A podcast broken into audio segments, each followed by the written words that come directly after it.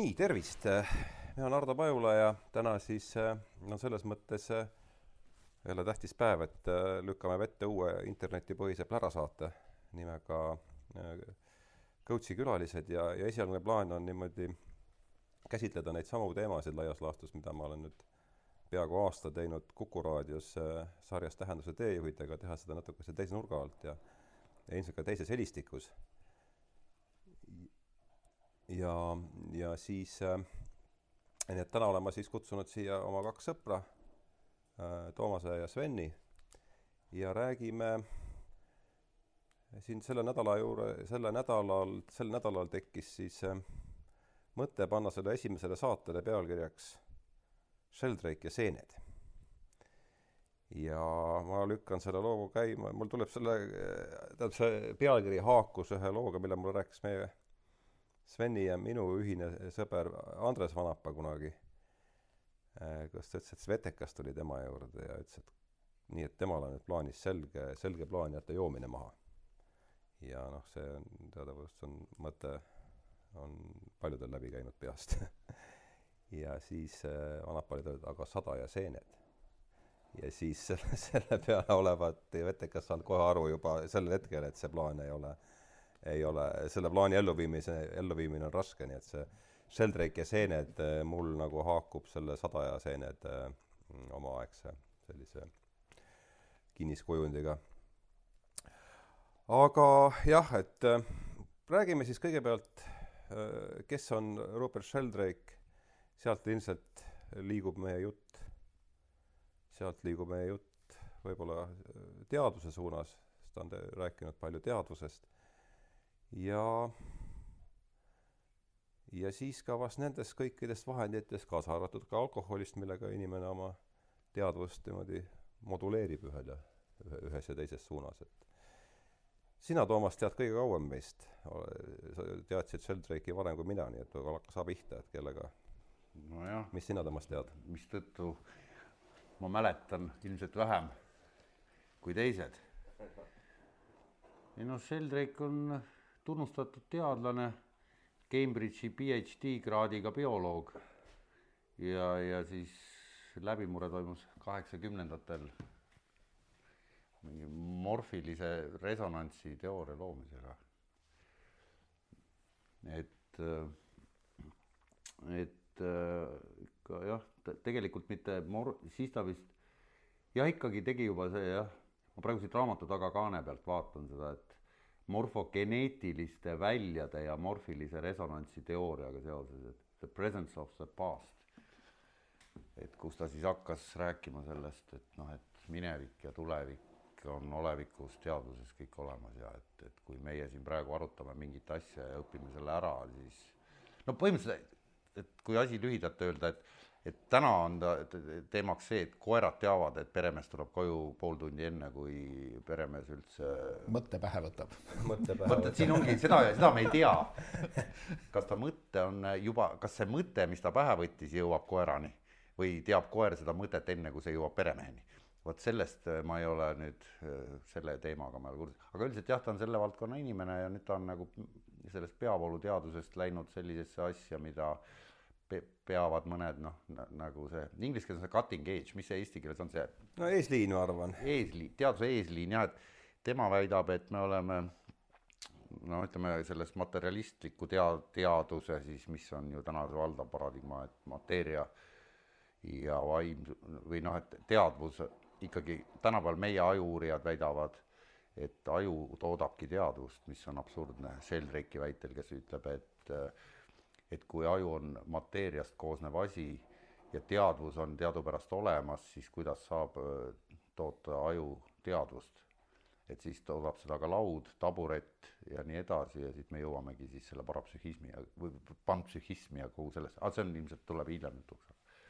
no Sven, sina polnud tast varem vist kuulnud, et ma palusin sul vaadata paar, paari videot enne, et mis mulje sul sellest jutust jäi mm,? no selline, ütleme, et äh, kui nüüd äh, võrrelda nagu võrdluste abil, et siis äh, ma ei kaldu niivõrd Koka raamatute kui Koka kunsti poole, et ma arvan, et söömine on ikka see, mis kõhtu täidab ja kui jääb söömise kõrvalt vaba aega, siis võib Koka raamatuid lugeda, et jah, ma väga ei ole süvenenud äh, kõikidesse teadvuse ja, ja, ja teaduse probleemidesse, et vabandan ennast sellega, et ma olen kirjanik ja võin raamatuid ise teha, et ma ei pea neid nii palju lugema.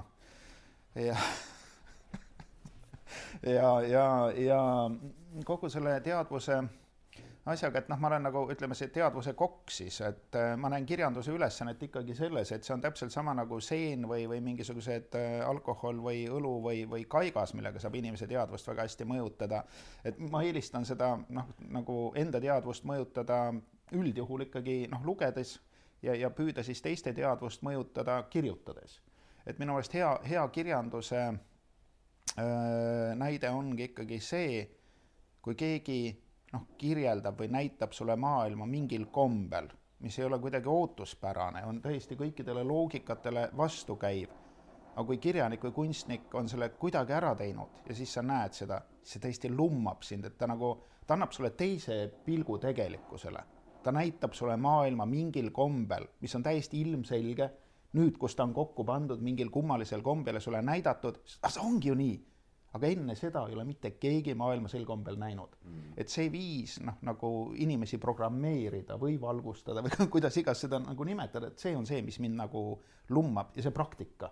noh, nii lugedes, seda läbi elades kui kirjutades seda nagu tehes.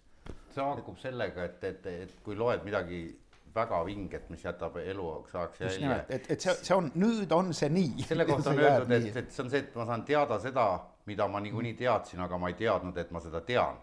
ja siis see äratundmine seal raamatus, et kurat, ta räägib ju täpselt seda, mida ma olen kogu aeg mõelnud, aga et, et ta oskab selle just. kirja panna. et, et see on paaril korral ette tulnud niisugust asja elus nojah, see nagu Sven minu arust äh, rääkis sellest kujutlusvõime kesksest kohast või kust see tuleb siis see kirjandus on ikkagi no see on jah küsimus, et küsimus on selles, kas kirjanik on plaadimängija, kes mängib maha mingit plaati, mis on tal sees, või on ta raadio, kes võtab vastu no, mingeid laineid see, ja, ja, ja ütleme, raadiol on ju ka võime häälestuda, noh, et neid laineid õhus on, saatjaid on ju palju, et noh, milline raadio sa oled ja milliseid laineid või millist jaama sa oled võimeline vastu võtma või millist sa tahad vastu võtta või millist sa üritad vastu võtta, et see on noh, mina isiklikult millegipärast oma kogemuse, ilmselt kogemuse põhjal ikkagi arvan, et et sageli kirjanikud teevad selliseid asju, milleks neil nagu, neil ei tohi nagu seda sees olla või neil ei saa nagu seda sees olla, et siis väga loogiline järeldus on see, et nad on ikkagi see raadiotüüpi masinad. et kindlasti on mingid plaadid ka sees, aga see midagi tuleb. peab olema need traadid sees, mis võimaldavad üldse asju vastu võtta, eks. ma arvan, et see ongi see Sheldrake'i põhi, selle tema jutu ja palju noh, ega ta on ju, esindab ka mingit tervet tervet suunda, et selle suunda põhiline sõnum ongi see, et jah, aju on ikkagi, on ikkagi raadio, mitte, mitte, mitte plaadimängija no,. see, see ongi... võtab, see ongi selle materjalismile vastanduva no., vastanduva teaduse Nad nimetavad seda üksmeelselt hard question. Hard question, jah. psühholoogias, et, et. mis tähendab siis seda, et kui mateer-, kui meie aju koosneb mateeriast ja mateerial ei ole teadvust, et kuidas siis on võimalik, et järsku meie ajus selle elutu mateeria koosmõjul tekib teadus, et sellel ei ole. sellel ei ole vastust. see on umbes sama loogiline nagu väita, et eh, noh, trükimasin või paber ise nagu toodab selle teksti, mis tema peal on. et see, et see tekst sinna paberi peale on pandud, see ei tähenda, et see paber oleks süüdlane mingil kombel selles toimunus, et noh, ta on osaline jah, aga, aga mitte põhisüüdlane nojah, aga see panpsügi-, panpsügi jälle nii, no ütleme, siin on ikkagi tegemist kolme sellise saeveski filosoofi arusaamisega, vabandust, mina. ja ei, no ma et, et, et see kõik on nagu, ärge võtke, kuul-, palun kuulajatel kohe algusest peale mitte seda juttu nüüd väga ülemäära tõsiselt võtta, et see on tegemist, see on ikkagi just nimelt plärasaatega. aga noh, üritame mingit sellist poolmõistlikku plära vähemasti ajada, et et, et aga see panpsühhism, nii palju kui mina sellest aru saan, see ütlebki seda, et juba teadvus selle, nojah, et teadvus selle kõige algelisemal tasandil on iseloomulik juba kõige mateeria kõige väiksematele vormidele et ka ka elektronid on, on mingil määral no, ja you cannot be too excited about the jah elect- ja the you cannot conscience jah et elektron elektroni vaimuelu ei ole väga huvipakkuv. Mistõttu seda on vähe uuritud see oli Sheldraki põhjendus jah see oli jah et see oli üks üle- vahvamaid lauseid tal seal. Aga et päikse puhul on see juba põnevam et jah ja, ja, ja see, et noh, et noh, see Descartesi dualism või, või kus see pihta hakkas.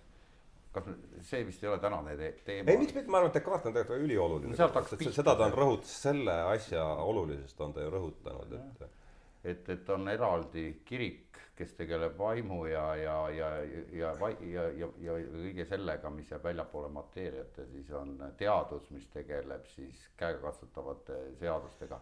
Ma arvan et see ei ole üldse paha paha koht kus alustada et see mingit struktuuri sellele plärale nüüd anda et ta nagu läheks siis et seesama Descartesi murde olulisus et et noh väide ja Sven oskab seda ma kujutan ette meist kõige niimoodi sõnaosavamalt vast äh, sõnastada et kui me vaatame ma annan sulle selle mõtte kätte et kui me vaatame tema väide on see et keskaegne maailmapildis on vaim ja mateeria olid maailm oli hingestatud noh animistlikes kultuurides niikuinii aga ta väidab ka siis seda et kristlikus teoloogias no läbi Toomas Aquino et see kristlus võttis selle omaks et vaim ja ja ja hing on noh moodustavad sellise mateeriaga nad moodustavad sellise põimunud kangama võiks ütelda et kuidas kas sa oskad selle jutuga midagi peale hakata seda kuidagi no oma no. loetu baasil kuidagi nagu no mul pistis juba natuke aega tagasi pähe siin äh, nagu paar raamatut, mis ikkagi kuidagi on läbi loetud mingi arusaamatuse tõttu.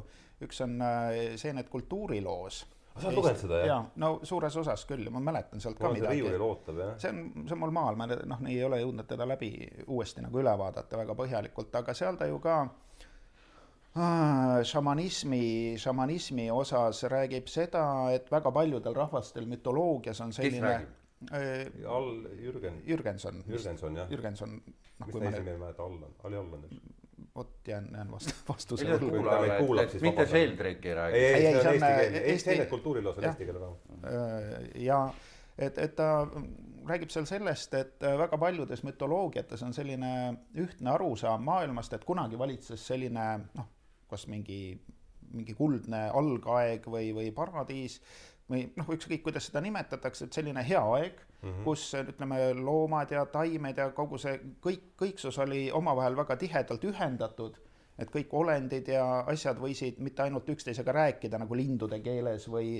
või, või väheks võisid ka üksteiseks muutuda, üle minna üksteist, et kontakt oli nii tihe, et ei olnud kõik nagu kõikide põhimõtteliselt kõikide mütoloogiate oli selline aeg, kus noh, kõik oli tihedalt seotud, aga mingil ajal läks elu halvemaks, need seosed katkesid, need otsesed seosed, aga mingi kaudne seos siiski jäi. ja ütleme, seene või mingi šamanistliku praktika abil on siis võimalik seda seost taastada. noh, ja siis ma ei tea, kas muutuda siis loomaks, käia teistes maailmades, noh, neid võimalusi on nagu nii palju, et et saada osa sellest äh, mingisugusest iidsest ühtsusest. et see, see asi, mis on väga noh, nagu läbiv paljudes asjades, see no ma ei tea, noh näiteks noh, selline kummaline kogemus on ju ka väga paljude kirjanike sellise loovuse aluseks, noh, nägemus. et näiteks Uku Masing kirjeldab väga hästi oma, oma nägemust. Et nägemusi on kahte tüüpi, ühed on see, kus nähakse siis kas ingleid või midagi taolist, mingisuguseid äh, asju, mida reaalsuses ei ole olemas, midagi sellist kummalist, erilist, mütoloogilist või mitte, ja teine võimalus, nähakse küll reaalsust, aga kuidagi väga intensiivsena, väga võimsana, nagu kuidagi päriselt olemasolevana, mida, et ei ole nähtud loodust sellisena, nagu ta on. et Maasingu see ärkamise, ärkamiskogemus, mida noh, seda on väga mitmel pool nii raadiosaadetes kui raamatutes nagu välja toodud, aga näiteks viimati ma lugesin seda Välis-Eesti väljaandest, kuidas kirjanikud kirjutavad, see on üheksakümne teisel aastal Lundis ilmunud koguteos, väga palju Välis-Eesti autoreid, ja Uku Masing siis nende hulgas räägib sellest, kuidas ta kuskil seal noh, ütleme kolmekümnendate lõpus siis nägi talvel, kuidas akna taga sajab lund, tihedat laia lund ja see männitüvi, mis on omamoodi selline krobeline ja keeruline struktuur, et see pilt, mis sealt aknast nagu avanes, oli siis ilmselt nii nagu noh, keeruline, et see jooksutas ta visuaalse ajuprotsessori kokku noh, transitehnikateks ongi põhiliselt ju kaks tehnikat, üks kas väga vähe informatsiooni või väga palju informatsiooni. ja kuna inimese see, üldiselt see pildiprotsessor on väga võimas, seda on raske kokku jooksutada, aga seda tehnikat siiski kasutatakse, näiteks šamaanidel on olnud noh, mõnes kultuuris narmad silmade ees, et noh, neid narmaid niimoodi noh, raputades, siis see pilt läheb nii keeruliseks või rokikangelaste pikad juuksed mm. -hmm. sa näed noh, pea raputamisel nagu sama efekti, et see visuaalne kamm läheb nii keeruliseks, et su aju ei jooksuta seda enam läbi, läheb kokku ja siis sa lähed mingisse teise seisundisse ja siis see algab mm. -hmm. ja Uku Masingul oli veel mingi silmade no mingisugune silmahäda ka seal, et tal siis oli ilmselt lihtsam nagu sellesse transsi minna sel kombel ja tema see ärkamiselamus oli siis seal, siis ta nägi, kuidas päris on, ma arvan, et seal on see, et näha neid asju nagu mingisuguses ühtsuses või pärisuses või kuidagi mingisuguses erilises võimsas kvaliteedis, et see on noh, ma, ma olen ise midagi taolist näinud lapsepõlves, et selles mõttes ma, ma saan aru, millest jutt käib. ilma mingit, lapsepõlves siis ilma mingite täiesti, jah, ei, täiesti lihtsalt järsku ühel hetkel aga vot see on huvitav, et, et kui Masing noh, oli ju ka, ta oli ikkagi äärmiselt noh, mitmekülgne, ta ju kirjutas ju budismist ja ta uuris ju noh, kõiki asju põhimõtteliselt, ta ei olnud, aga, aga ikkagi ta oli kristliku, kuidas öelda, vundamendiga, see on Sheldrake'i puhul ka huvitav nähtus, et ta on ju ka vist. No tema see kristlik kui ta räägib animismist hakkas aga... ju pihta sellise selge ateisti, ateistina ja täis noh väga range materialistina. ta läks ülikoolis, ta oli ateist. ja siis läks läbi see, tema, ma arvan, et tema jaoks oli see India kõige. aga ta käis ju Indias, käis krist-, otsis üles kristliku kiriku, kuigi kõik muud asjad olid tal lähemal. et seal oli see probleem, et seal, kus ta oli, seal vist ei olnudki või no ta jah, ka sattus selle hinduismi, need, ma saan aru, need Indias elatud aastad olid küllaltki, küllaltki sellised murrandlikud ja siis noh, ma mäletan selles klipis, mida me siin vist kõik kuulasime, oli see, et noh, et et kui sa mingit spirituaalset traditsiooni otsid, mis ma saan aru, tõi temale selle, India tõi talle selle vajaduse lähedale, aga et noh, et siis, et mõtlesin endamisi taga, et no okei okay,, et aga mis siis järsku siis hoopis kristlikku, vot see on meile nagu kultuuriliselt kõige lähedasem ja sealt oli tema see side kristlusega siis nii palju, kui mina tema jutust aru, noh, ma olen teda päris palju kuulanud tegelikult ja, ja ma arvan, et nii see oligi umbes, aga aga seesama iidse ühtsuse mõte, et noh, veel kord ma rõhutan, siia vahele, et tegemist on just nimelt pärasaatega ja seda ma siin nüüd kavatsen ka niimoodi ajada. et, et ähm, see iidne ühtsus, et ega me ju, me arvame, et me teame, mis õues toimub.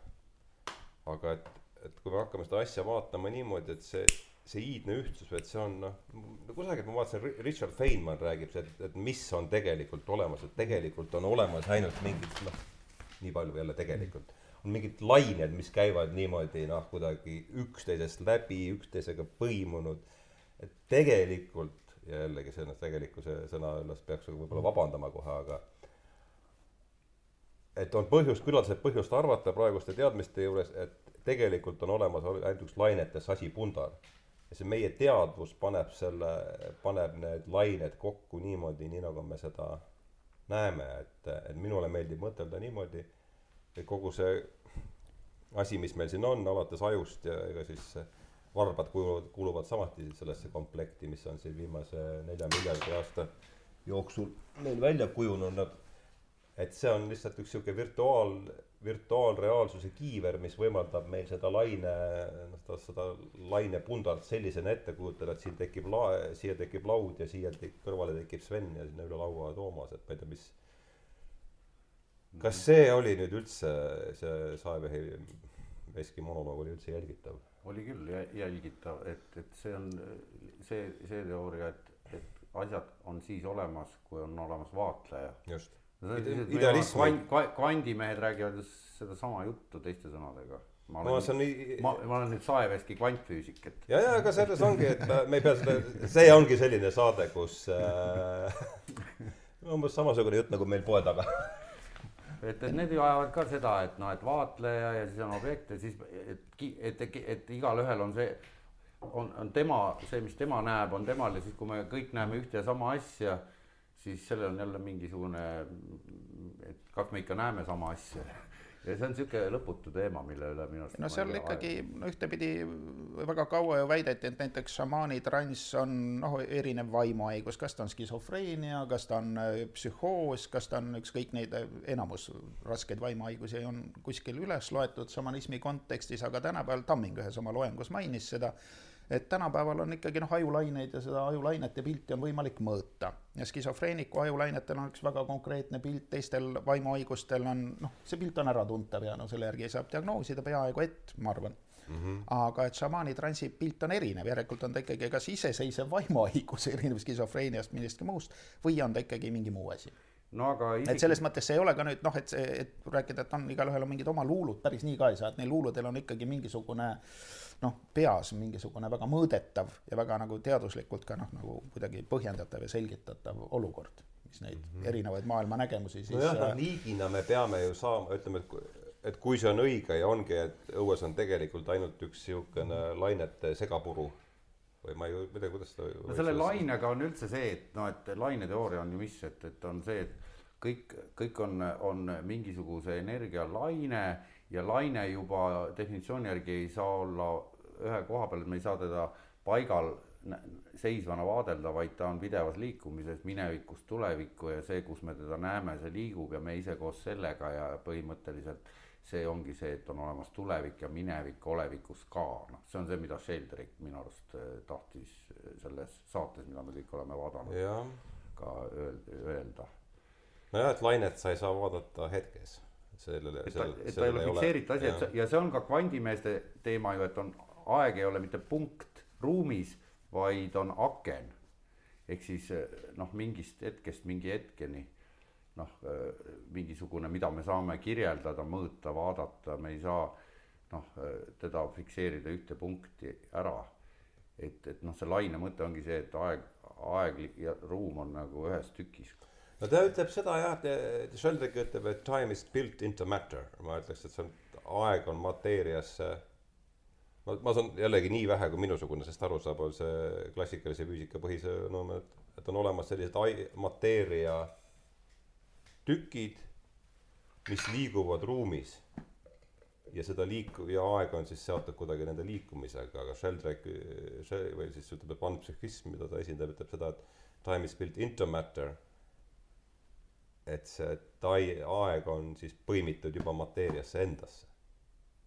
ma ei tea, ma pean, tahan kogu aeg küsida, et kas sellel jutul üldse ja no, no mida, midagi seal kas on. peaks minema, ikkagi kogu aeg on küsimus see, et kas peaks helistama jällegi raviarstile. ei, ma mõtlen seda, et kui me oleme jõudnud, ütleme just selle tema raamatuni, noh, mis on siis inglise keeles time või science at three ehk siis science delusion eesti keeles siis dogmadeta teadus, et siin ta esitab kümme või tea-, teadusdogma ja paneb neile küsimärgid taha, et et, et, et, et see, millest me praegu räägime, noh, laias piiris ongi noh, see, see, et, et, et, et kui tead-, teadus tänapäeval ütleb, et äh, kõik mehaanikaseadused või loodusseadused laiemalt siis on muutumatud, siis tema paneb sinna küsimärgi taha, et kas ikka on ja kes kurat selle ära on tõestanud ja, ja, ja mitte keegi pole tõestanud ja, ja sama lugu on teadusega, et, et mitte keegi täna ei tea ikkagi, mitte keegi.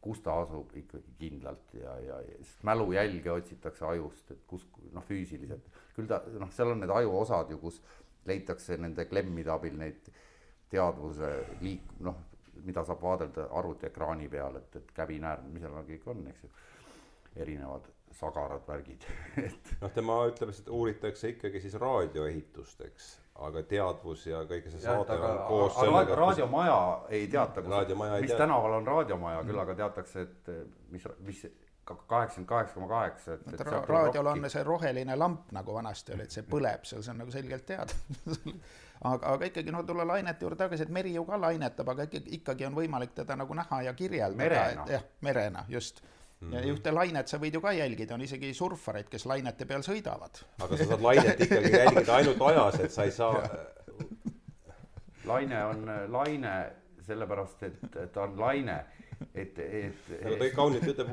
waves wave and waving takes time, mulle jäi see nagu hästi ja. meelde.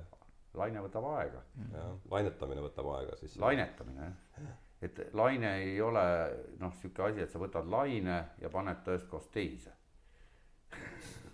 või et noh, sa ei, noh. noh, see on ju väga selge, et kui sa võtad, et noh, see on laine, siis see siin ei ole laine, see on noh, ma ei tea, punkt. jah aga ma tahtsin ühest raamatust veel rääkida, ma isegi noh, nii piinlik kui see ole, ma praegu ei mäleta isegi ei autorit ega pealkirja, aga põhimõtteliselt rääkis ta noh, indiaani religioonidest. noh, ja jämedas joones on nad siis jaotatud kaheks, ütleme tomahawkidega nende Põhja-Ameerika indiaanlaste religioonid ja siis need alumised noh, need püramiidide või nüüd siis pueblode või mingite nende noh, ühesõnaga tsiviliseeritud nagu linna või selliste kõrgemalt organiseeritud nagu indiaani kultuuride religioonid, et mis siis nagu see nagu põhivahe on et see on nagu tööjaotus, et äh, need lihtsamad nagu ütleme, meie mõttes nagu sellised nagu rohkem metslased tomahawkidega tüübid, et need võisid äh, ise ajada oma asjad vaimudega korda, värvisid kivi punaseks, see oli parasjagu see vaim või, või kes ta siis oli. ühesõnaga, et kultuur on siis nagu, ma jagan või, või ütleme, religioon ja asju on nagu kahesugused, ühed see, kus inimene ise on võimeline nagu kõik ühiskonnaliikmed on võimelised oma asjad teispoolsuse või selle algoleku või mm -hmm või mingite vaimolenditega ära ajama. on probleem, paastutakse, tehakse mingisuguseid muid asju, saavutatakse see mingi seisund, on tal siis tarvis saada ühiskonna liikmeks või leida oma laul või, või leida jahiloomi või mis iganes, mingil kombel minnakse sinna transsi ja tehakse see asi ise ära aga ütleme siis see teine nagu arenenud tsivilisatsioonid, noh, kus ka meie umbes oleme, on see, et on mingid spetsialistid, preestrid või mm -hmm. šamaanid või kes, kes ainult sellega tegelevad, teistel ei ole enam asja selle teispoolsusega.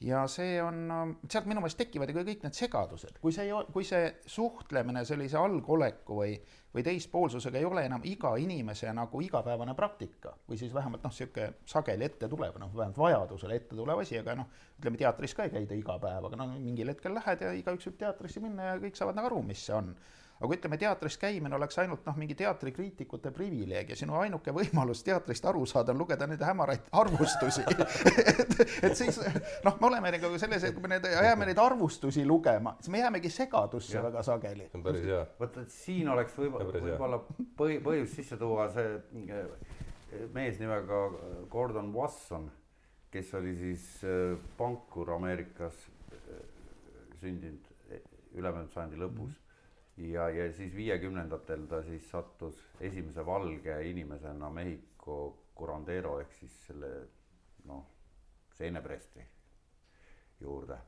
Ja tal lubati tema teisel või kolmandal ekspeditsioonil äh, süüa seeni koos nendega neid magic mushroom'e siis, mis tekitavad hallutsinatsioone. psilotsebiini. psilotsebiini ja et tal naine oli venelanna ja, ja. oli või? ja punane kärbseseen sealt tuligi tema ellu ja, ja sealt kõik see algas. et see naisega nad käisid äh,, olid äh,, ma ei mäleta, kus nad olid äh, mesinädalaid veetmas kuskil kahekümnendatel kui nad abiellusid ja, ja siis ja siis selgus, et naine on venelanna, kes tunneb huvi seente vastu ja, ja metsas kuskil, kus nad olid, telkisid või mida iganes, et siis tekitas see naine temas huvi seente vastu, et, et, et ja siis ta ise ütleb, et või on öelnud, et, et seened on nagu rahvuseti, et ühed kardavad seeni, täitsa kohe hir-, hirmunud on, et, et, et saavad mürgituse ja, ja kõik muud asjad ja, ja teised. tema oli ka ja tema oli ka ja naine ei olnud ja siis ta,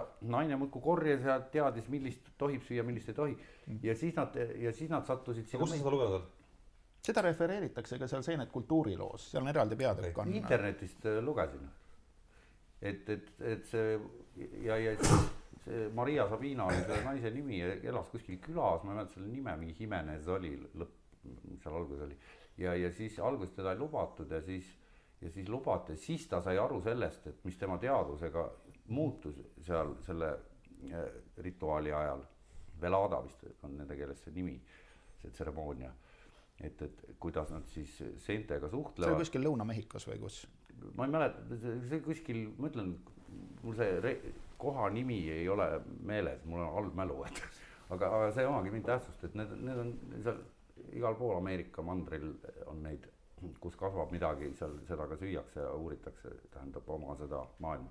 ja siis ja, ja see Watson oli siis teadaolevalt esimene valge, kes sai neid, nendega koos osaleda seal ja ta lükkas selle muidugi pärast, kuigi ta lubas sellele Sabinale, et ta ei, ei, ei räägi midagi eriti.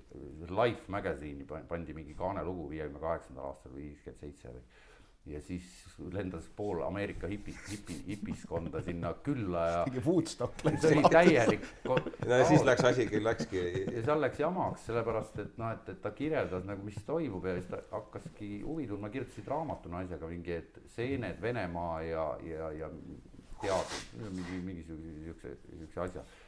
ja siis, siis ta ja siis ta saatis jah, mingi Helm vist oli see teadlane Euroopast, kelle ke,, kellega ta koos hakkas käima, kes siis oli ka müko, ta, oota ta ise nimetas ennast mükoetnoloog, tema lõigi selle mõiste kivisse nagu mükoetnoloogia, see on siis seened selles kontekstis, et, et teadvus ja rändamine ja, ja kõrgemad nii-öelda asjad.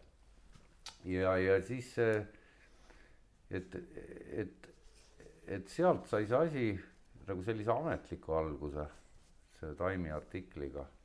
ja see Watson pankurina siis hakkas rohkem tegelema sellega, huvituma sellest ja hakati Euroopas siis katsetama ja otsima lõpuks siis Hoffmann sünteesis selle psülopsübiini ja psüloptsiini välja sealt. sest sinnamaani keegi ei teadnud, mis see toimeaine on, kuidas see töötab, mingid kõlakad käisid, et, et, et, et need põlisrahvad näsivad seeni ja, ja, ja nendega toimub midagi ja nad ravivad kuidagi ja aga see tundus ikkagi selline ulmevaldkond, kuni siis mees ise ära proovis ja ütles, et, et juhtub jah. ja, ja, ja seetõttu ongi noh, see noh, ütleme, et teadlased jagunevadki nii palju, kui ma olen aru saanud, nagu gruppidesse selle järgi, et kes on noh, kes on proovinud ja kes ei -hmm. ole, ehk siis kuidas seletada pimedale, mis asi on roheline värv kui ta sünnist saati pime olnud ja ta pole seda kordagi näinud, siis seda on sõnadesse nagu. seal on see probleem veel, et, et see no ütleme, seen või mis iganes sellised sarnased asjad ei ole ju ainult see keemia, vaid see sinu ettevalmistus või sinu kultuuritaust, milleks, kuidas sa selle seenega suhtled, mida sa tahad, mida sa näed, mida sa läbi elad. et noh, selle noh, see, see keemiline pool on kõige lihtsam ja see kultuuriline pool on tegelikult see, mis ma ei tea, võib-olla see on üheksakümmend protsenti sellest, sellest asjast.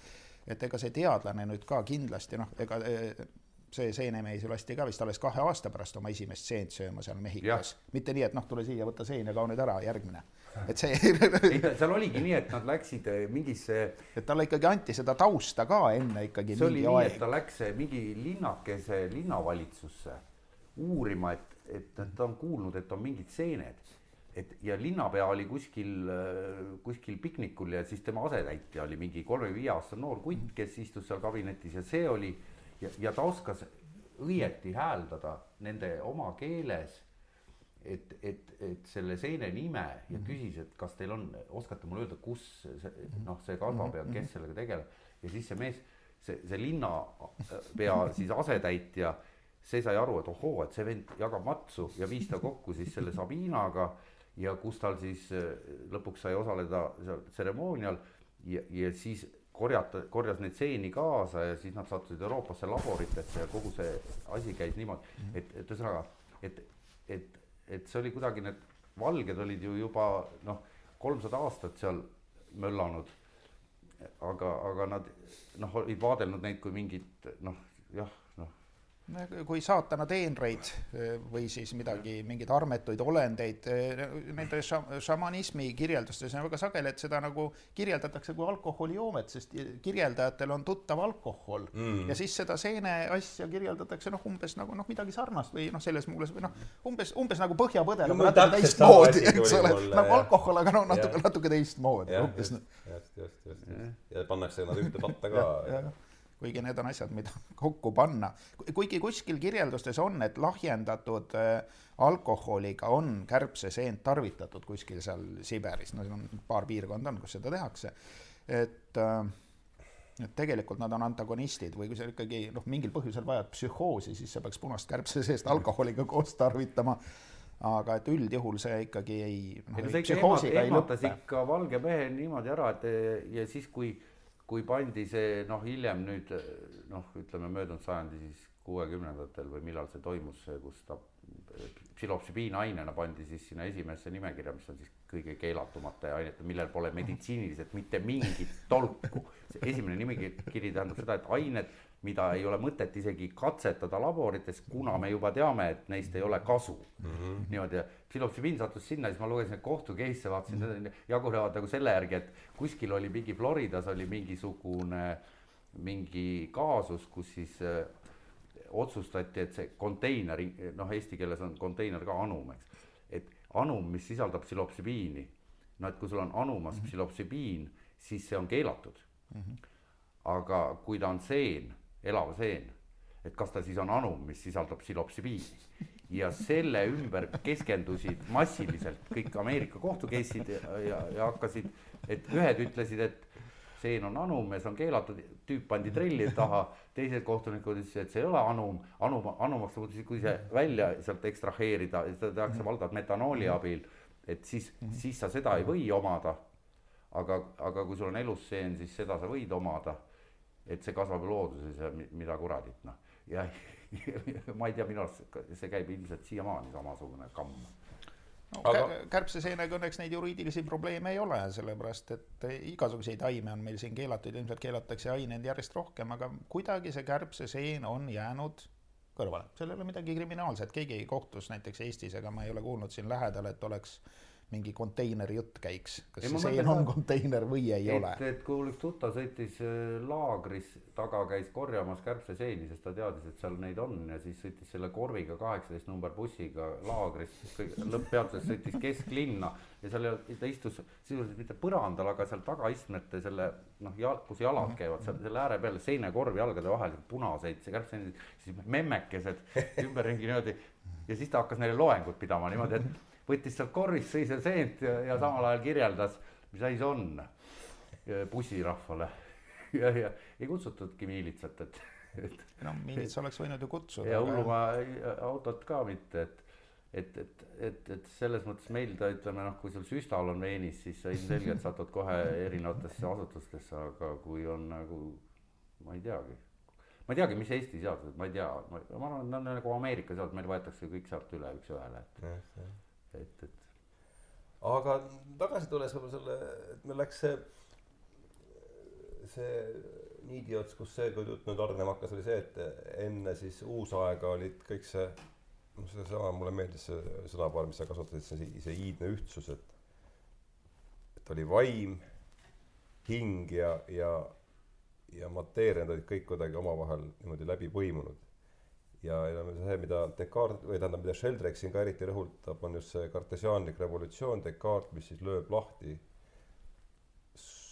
lööb selle otsustava kiilu selle hinge ja, hinge ja mateeria vahele. kõik on mateeria, välja arvatud siis see, et inimeses, inimeses on hing ja, ja, ja noh, tekib see karte-, kartesiaanlik dualism, et, et noh, kuidas siis ja tekitab siis küsimuse, et kuidas see vaim ja hing siis omavahel. no ärgem unustagem, et ta lahendas enda jaoks ju seda probleemi, ta oli ju padukatoliiklane. et, et, et, et mismoodi jumal töötab, kui noh, ja et, et see küsimus, küsimus, et, et, et, et kirikut ja teadust noh, kuidas neid, et tema, mul on jäänud selline mulje, ma ei ole mingi filosoof meil ei ole keegi siin üles et, et aga, et, et, et tal tekkis tõsine probleem sellega, et, et, et kuidas igapäevaelus nüüd teaduslik, siis oli juba teadus ikka seitsmeteistkümnenda sajandi alguses oli ju noh, tegija või hakkas olema. no ja tema, tal oli selles ikkagi otsust väga oluline roll no. jah, jah. kogu selle, kogu selle. et aga mis, et mis siis teha nagu selle hard probleemiga noh, sa pead ju iga mõist-, iga mõistlik, mõistlik inimene, noh, ütleme, kui sa elad sellises ühiskonnas, kus enam see igapäevases oludes sa mingi vaimudega ei suhtle, aga samas sinu kultuuris see vaimujutt käib seal, ütleme kasvõi katoliikluses ikkagi mm., see on ju vaimujutt ees ja taga, eks ole. aga ei ole ju mingeid vaime, selles mõttes, et ma, ma ei ole kunagi mingi vaimuga asja ajanud, eks ole, olen teadlane, noh, noh, sa elad keskkonnas, sa pead ku, kuidagi need vaimud mingisse reservaati ära panema või leidma neile mingi koha, et noh, ära, sa eitada neid ei saa, sa oled Ketseri, lähed tuleriidale või seal on mingid jamad, aga kuskile sa pead nad nagu panema, kus, kuskile väljapoole seda argipäeva pead sa nad ikkagi paika panema, et noh, eitada sa neid ei saa, kasutada sa neid ei saa, kontakti sul nendega ei ole, aga kuidagi sa pead neid tunnustama. ikkagi kahte olukord... sa-, see põhimõtteliselt Descartes paneb nad kahte sahtlisse selle asja, ühes on äh, sahtli nimi on mateeria, teise puhul on vaim, nüüd on küsimus, et kuidas need omavahel läbivad ja tema mm -hmm. lahendus on see, et inimeses, et see probleem on ainult inimeste mm -hmm. puhul, et see koht, kus nad siis läbivad, on käbinääre mm. -hmm eks see on nii, nii vähe, kui mina. see on kõige kaitstum organ ka ajus, et see asub siin keskel, et kõik ülejäänud on selle ümber, et ta on. ja see on nüüd kuidagi seotud kogu selle DMT asjaga, te, te, sa tead sellest rohkem võib-olla. ei no see ei puutu vist siia, DMT on ayahuasca teema, et et see on noh, kuigi ta on ka nagu seene teemaga, et ka, aga see vist täna. DMT ja noh, DMT ja käbinäär olid omavahel kuidagi nii, nii, nii no, vähe. see vist toodab ja, seda mingil väiksel määral. endogeenset seda ja. asja. jah, et ta on endogeenne aine, vastupidiselt alkoholile vist. Alkoholi. no vist küll siis jah, et me vist ise ei. ma nüüd ei mäleta, võib-olla võin nüüd julmalt mööda panna, aga et kas, sest alkoholil ei ole retseptorit, mis talle vastab, nagu on, ütleme nendel ainetel. et seetõttu ta lööbki niimoodi kopsikusse aga et, et aga vist see sõltubki vist, on seotud sellega, et ei tooda, aga noh, jällegi, ma, ma olen kuulnud jälle inimestest, kes ei saa, et söövad ükskõik mida jäävad täis ja siis. ma olen ka kuulnud sellist asja, et ikkagi jah. ja siis ikka kuidagi toodab, et kurat seda teab. aga nüüd see Sheldrick, minu arust, et, et kui see seos selle kart-, ka, ka noh, selle kartesiaanliku mõttelaadiga, et, et kui talt seal loengu lõpus küsiti, et, et et, et, et mis juhtub peale surma ja siis tal oli elegantne seletus sellele, et, et see on nagu unenägu, millest eh, noh, sa ei ärkagi üles, et, et see jääbki kestma. et, et see oli nagu tema seletus sellele, et ja, ja, ja siis ta rääkis siin otse noh, budistlikust pardost, kus ollakse nelikümmend päeva, pardo keha ja et seal on ka oma keha, see unenäo keha, et, et sa liiga järsku ei läheks üle sellest surmahetkest nagu rea-, reaalsest maailmast sinna äh, vaimude unenägude maailma, vaid et seal on mingi ülemineku etapp, sihuke vahepealne, et tema arvab, et see on nii. ja, ja et, et see unenägu on ju igapäevaselt igalühel kättesaadav ja. asi, mille üle mõelda, et, et kuidas aju seda toodab, kui ta seda ise toodab, see materjalistlik aju ja no see tänasel päeval on iseloomulik, et see, kui sa sellist juttu juba ajad, siis sa lähed automaatselt lähed nagu mingisse voodoo seltskonda, justkui meil oleks mingeid usaldusväärseid reisikirju sellest, mis meiega siis toimub, kui me ära oleme surnud, et see on ikkagi noh, samasugune. aga meil on eh, unenägudest usaldusväärseid reisikirju, alates Jungist lõpetades, ma ei tea, selle Castanedaga, kes raamatu kirjutanud Unenägemise kunst ma arvan, et ei ole väga raske panna kokku raamatukogu nendest raamatutest, mis räägib, mis inimesed kogevad pärast seda, kui nad on surnud. Et seda materjali ju tegelikult jah, ja kas surmalähedused või, või siis noh, ma ei tea, noh, kui, kui kuskile maale, et neid on ikkagi päris, päris palju. No, no need on ikkagi surmalähedased kogemused. see oli huvitav, et see, ikkagi... seesama Susan Blackmore, kes käis siin Eestis ka Psycherentsil rääkimas, ta on ateistina ennast esitleb ja ta ülikoolis Oxfordis ju oli parapsühholoogiaga tegeles, sest tema käis kehast väljas, nägi ennast kõrvalt mm. -hmm. oli täiesti veendunud, et hing rändab edasi-tagasi ja siis läbi teaduse jõudis selleni, et see ikkagi ei ole nii. et, et, et ja, ja praeguse seisuga on noh, ma ei tea, Hardo, sa kuulsid ka tema juttu, et, et noh, mis sa oskad nojah, ütleme sellest neljast jättis tema nüüd küll kõige vähem veenva mulje minus, mulle. et sa oled kogenud sellist asja, kehavälist kogemust, sa oled teadlane, sa kirjeldad mm -hmm. seda saalitähel inimestele, su nime all on kiri ateist.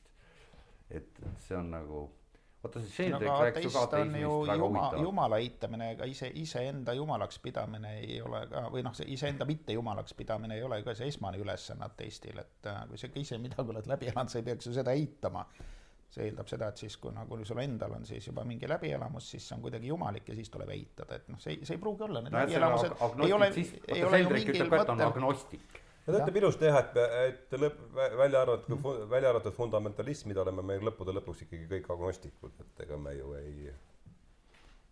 noh, see täpselt seesama, et usaldusväärsed reisikirjad puuduvad. Äh, mõlemalt poolt. mõlemalt poolt, jah. et äh, mis ongi äärmiselt huvitav, samal ajal on olemas kogemused äh, meil kõigil erineval moel, mis noh, minu jaoks noh, ma, ma ei saa öelda, et usaldusväärsed reisikirjad puuduvad, et minu jaoks on nad reaalsed ja usaldusväärsed, need reisikirjad, aga ma ei oska neid küll kuidagi seletada või põhjendada. no siiski need ei ole, noh no nüüd peab täpsustama. mitte jumal muidugi. mis reisikirjadest me räägime, et me praegu, praegu rääkisime surnud, surnute riigist on meil üsna vähe faktilist andmestikku surnute riigist küll ei ole jah aga no, lihtsalt neid ei saa kontrollida, me ei saa surnute ajulaineid mõõta ja sellega on nagu midagi nagu ei toimu. vaata, see on huvitav, et aju sureb, oota, kas need surmalähedased kogemused on ajusurma hetkel ka või? Ma ei ole ausalt öeldes viitsinud neid väga palju lugeda. ma ei tea lihtsalt. tõenäoliselt me saame kõik selle kunagi teada, nii et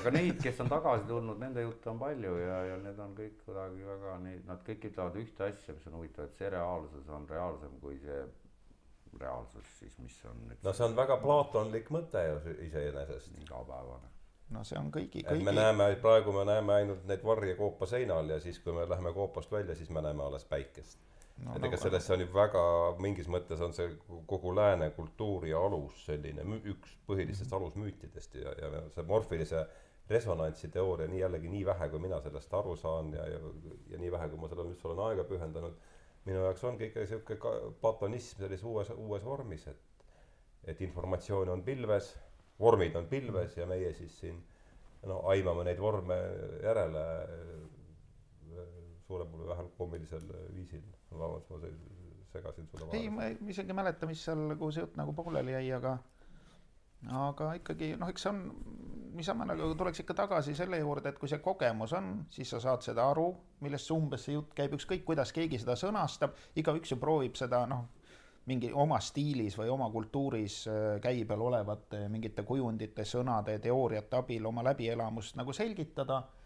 aga see läbielamine noh, siis ju muutub, sa loed seda kirjeldust, see kirjeldus moonutab seda, kuigivõrd inimese elukogemus on teistsugune, et see noh, kõik on, see on nii kummaline, et kõigile võib ju anda ühesugust alkoholi, aga inimesed jäävad ju erinevalt täis Mm -hmm. ja siis veel noh, isegi kui nad jääksid ühesuguselt täis, nad kirjeldaksid seda erinevalt ei, ma, ma, ma siin tõmbaks ikka väga selge eri, eristuse alkohoolse joobe, mida mul on piisavalt kogemusi ja, ja, ja siis ütleme, teadvuse muutunud teadvusseisundi kus no alkohol, alkoholiga tekib sul ju ikkagi ka muutunud teadvusseisund. ja, aga see muutub ühes suunas ja alati etteaimatavas suunas ja see kõik on kuidagi kirjeldatav pärast järgmisel hommikul ja, ja, ja seal ei ole midagi keerulist ja arusaamatut ja, ja, ja, ja seal ei ole, sa ei saa uut informatsiooni. et, et, et muutunud teadvuse seisundis võib saada vastuseid küsimustele.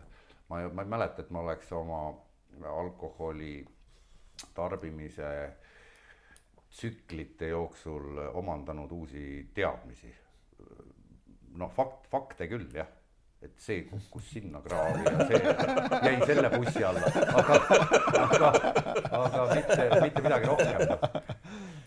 jah, seda, kes see on, see mingi, Mar-, Bill Murray on siuke näitleja, tuleb ette kellelegi. jaa, on küll, ja tema on öelnud, jaa, täpselt, ja tema on et alko-, alkohol ei aita leida vastuseid, aga küll aitab unustada küsimusi päris täpselt. see on päris hea no,. alkoholi on hea nagu rääkida või kasutada noh, nagu võrdluses on no, igaüks teab, mis see on ja isegi noh, minu meelest sellega asjad küll, ei jah. ole asjad ka küllaltki selged. see on see, et noh, et ma tegin seda täis peaga, siis mm. enamus teab, saab aru, millest jutt käib mm. -hmm. aga kui sa ütled, et, et ma olin seeni söönud, siis eh, noh, saavad need aru sinu järgnevast jutust, kes on ka sein, seini söönud. kogemusega jah. teised ei tea alkoholiga, vot huvitav jah, et kui, kui nüüd see, kes pole elu sees kunagi ühtegi tilka alkoholi proovinud, et see ilmselt siis, kas sellele on võimalik seletada, et mis tunne on olla juua täis aga ütleme noh, punase kärbseseene üks, tal on erinevaid omadusi, mida näiteks noh, ei ole, ei ole paljudel ainetel, mis panevad sind midagi nägema või, või muudavad seda ajuseisundit. Näiteks üks äh, kummaline omadus on kärbseseenel ju see, et ta, ta annab jõudu. noh, konkreetselt seda on kas need eh, Siberi karjused või kütid, noh, noh, mõnel pool hoitakse seda kuivatatud eh, kärbseseent endal kolmekaupa kotiga kaelas, et noh, mees läheb jahile, väljas on nelikümmend kraadi külma, ta saab mingi saagi, aga ta on juba väsinud, noh, lund on palju, liha on palju, tuleb koju, ei jõua. kolm seent sisse ja ta viib selle koju ära samamoodi. siuke, ma ei teadnud, et siuke toniseeriv mõju on. see, seda on vähe nimetada toniseerivaks, see on midagi väga kummalist ja mm., ja ikkagi tegelikult nagu, nagu müstilist. et see ei ole amfetamiini tüüpi noh, selline ressursside väljapressimine, et okei okay,, et sa teed selle asja ära ja siis sa kas sured, kui energia on otsas või taastud nädalaid. See, see, see lisandub nagu kusagilt see, see ei kustuta sind ära või noh, ei võta su ellujäämisressursse ja ei paiguta seda siis meelelahutusse või, või mingisse sõjalisse operatsiooni või mis sul parasjagu käsil on. et see on mingi hoopis teine asi mm. -hmm. ja no, keegi ega... ei tea, mis asi, kuidas no, see toimub. selle, oota, ma nüüd pöörduks selles kontekstis kohe selle Gordon Wassonile tagasi, et, et temale sokutati viiekümnendate lõpus, eh, CIA sokutas tema ekspeditsioonile kaasa agendi, kes -hmm. oli ka teadlane, kuna CIA tekkis selle Life'i artikli põhjal väga suur huvi, et, et, et mm. hakata ajusid pesema kodanikel. et, et seene abil, kui indiaanlased suudavad mm. sellega imeasju teha, et siis sokutati koputaja kampa, mm. kes siis pidi välja uurima, mis värk on. ja, ja siis, siis ta muidugi, see oli, ma nüüd ei mäleta neid detaile, aga päris koomiline mingi episood. aga jah, et, et, et, et selle noh, point oli selles, et, et see, mis Sven rääkis, et et see jõud tuleb kusagilt ja, ja ta ei ole noh, selles mõttes noh, ei ole seletatav, et, et pärast peaks nagu taastuma või et, et see on neid, neid agentuure huvitab ju, ju, ju selline asi ju väga. ja, ja siis, ja siis neid hakatigi CIA laborites hakati uurima ja, ja, ja ka noh, urgitsema seal sees, et et, et kuidas hakata tekitama selliseid sõdureid, kes oleksid äärmiselt äh, vastupidavad ja näeksid asju, mida vaenlane mõtleb umbes. ja noh, see, kes ta väidetavalt Vigal Sass rääkis, et ta ju töötas äh, ka ju seal Venemaal ja, ja, ja, ja ta palju ei rääkinud, aga, aga noh, midagi. et, et, et oli ju ka nendel Nõukogude Liidus selline programm, et selliste võimetega inimesi kasutati, et, et saada noh, nende neid ja Hitler ju teadupärast tegeles väga aktiivselt igasugu siukse. Voodoo'ga ütleme siis. jah, voodoo ja äkkidest rääkimata, et, et see on ju, see on ju kõigi huvi. kusjuures ikkagi noh, see. kusjuures vastuolu on tugev, sest et need minu kogemuse põhjal ja nende inimeste, kes ma olen näinud, kes noh, mingeid erinevaid taimi kasutavad rituaalselt, et et see ei ole kunagi seotud võimu küsimusega, mitte kunagi. ja võime on huvitanud just see, et panna see tööle võimu heaks ja hüveks.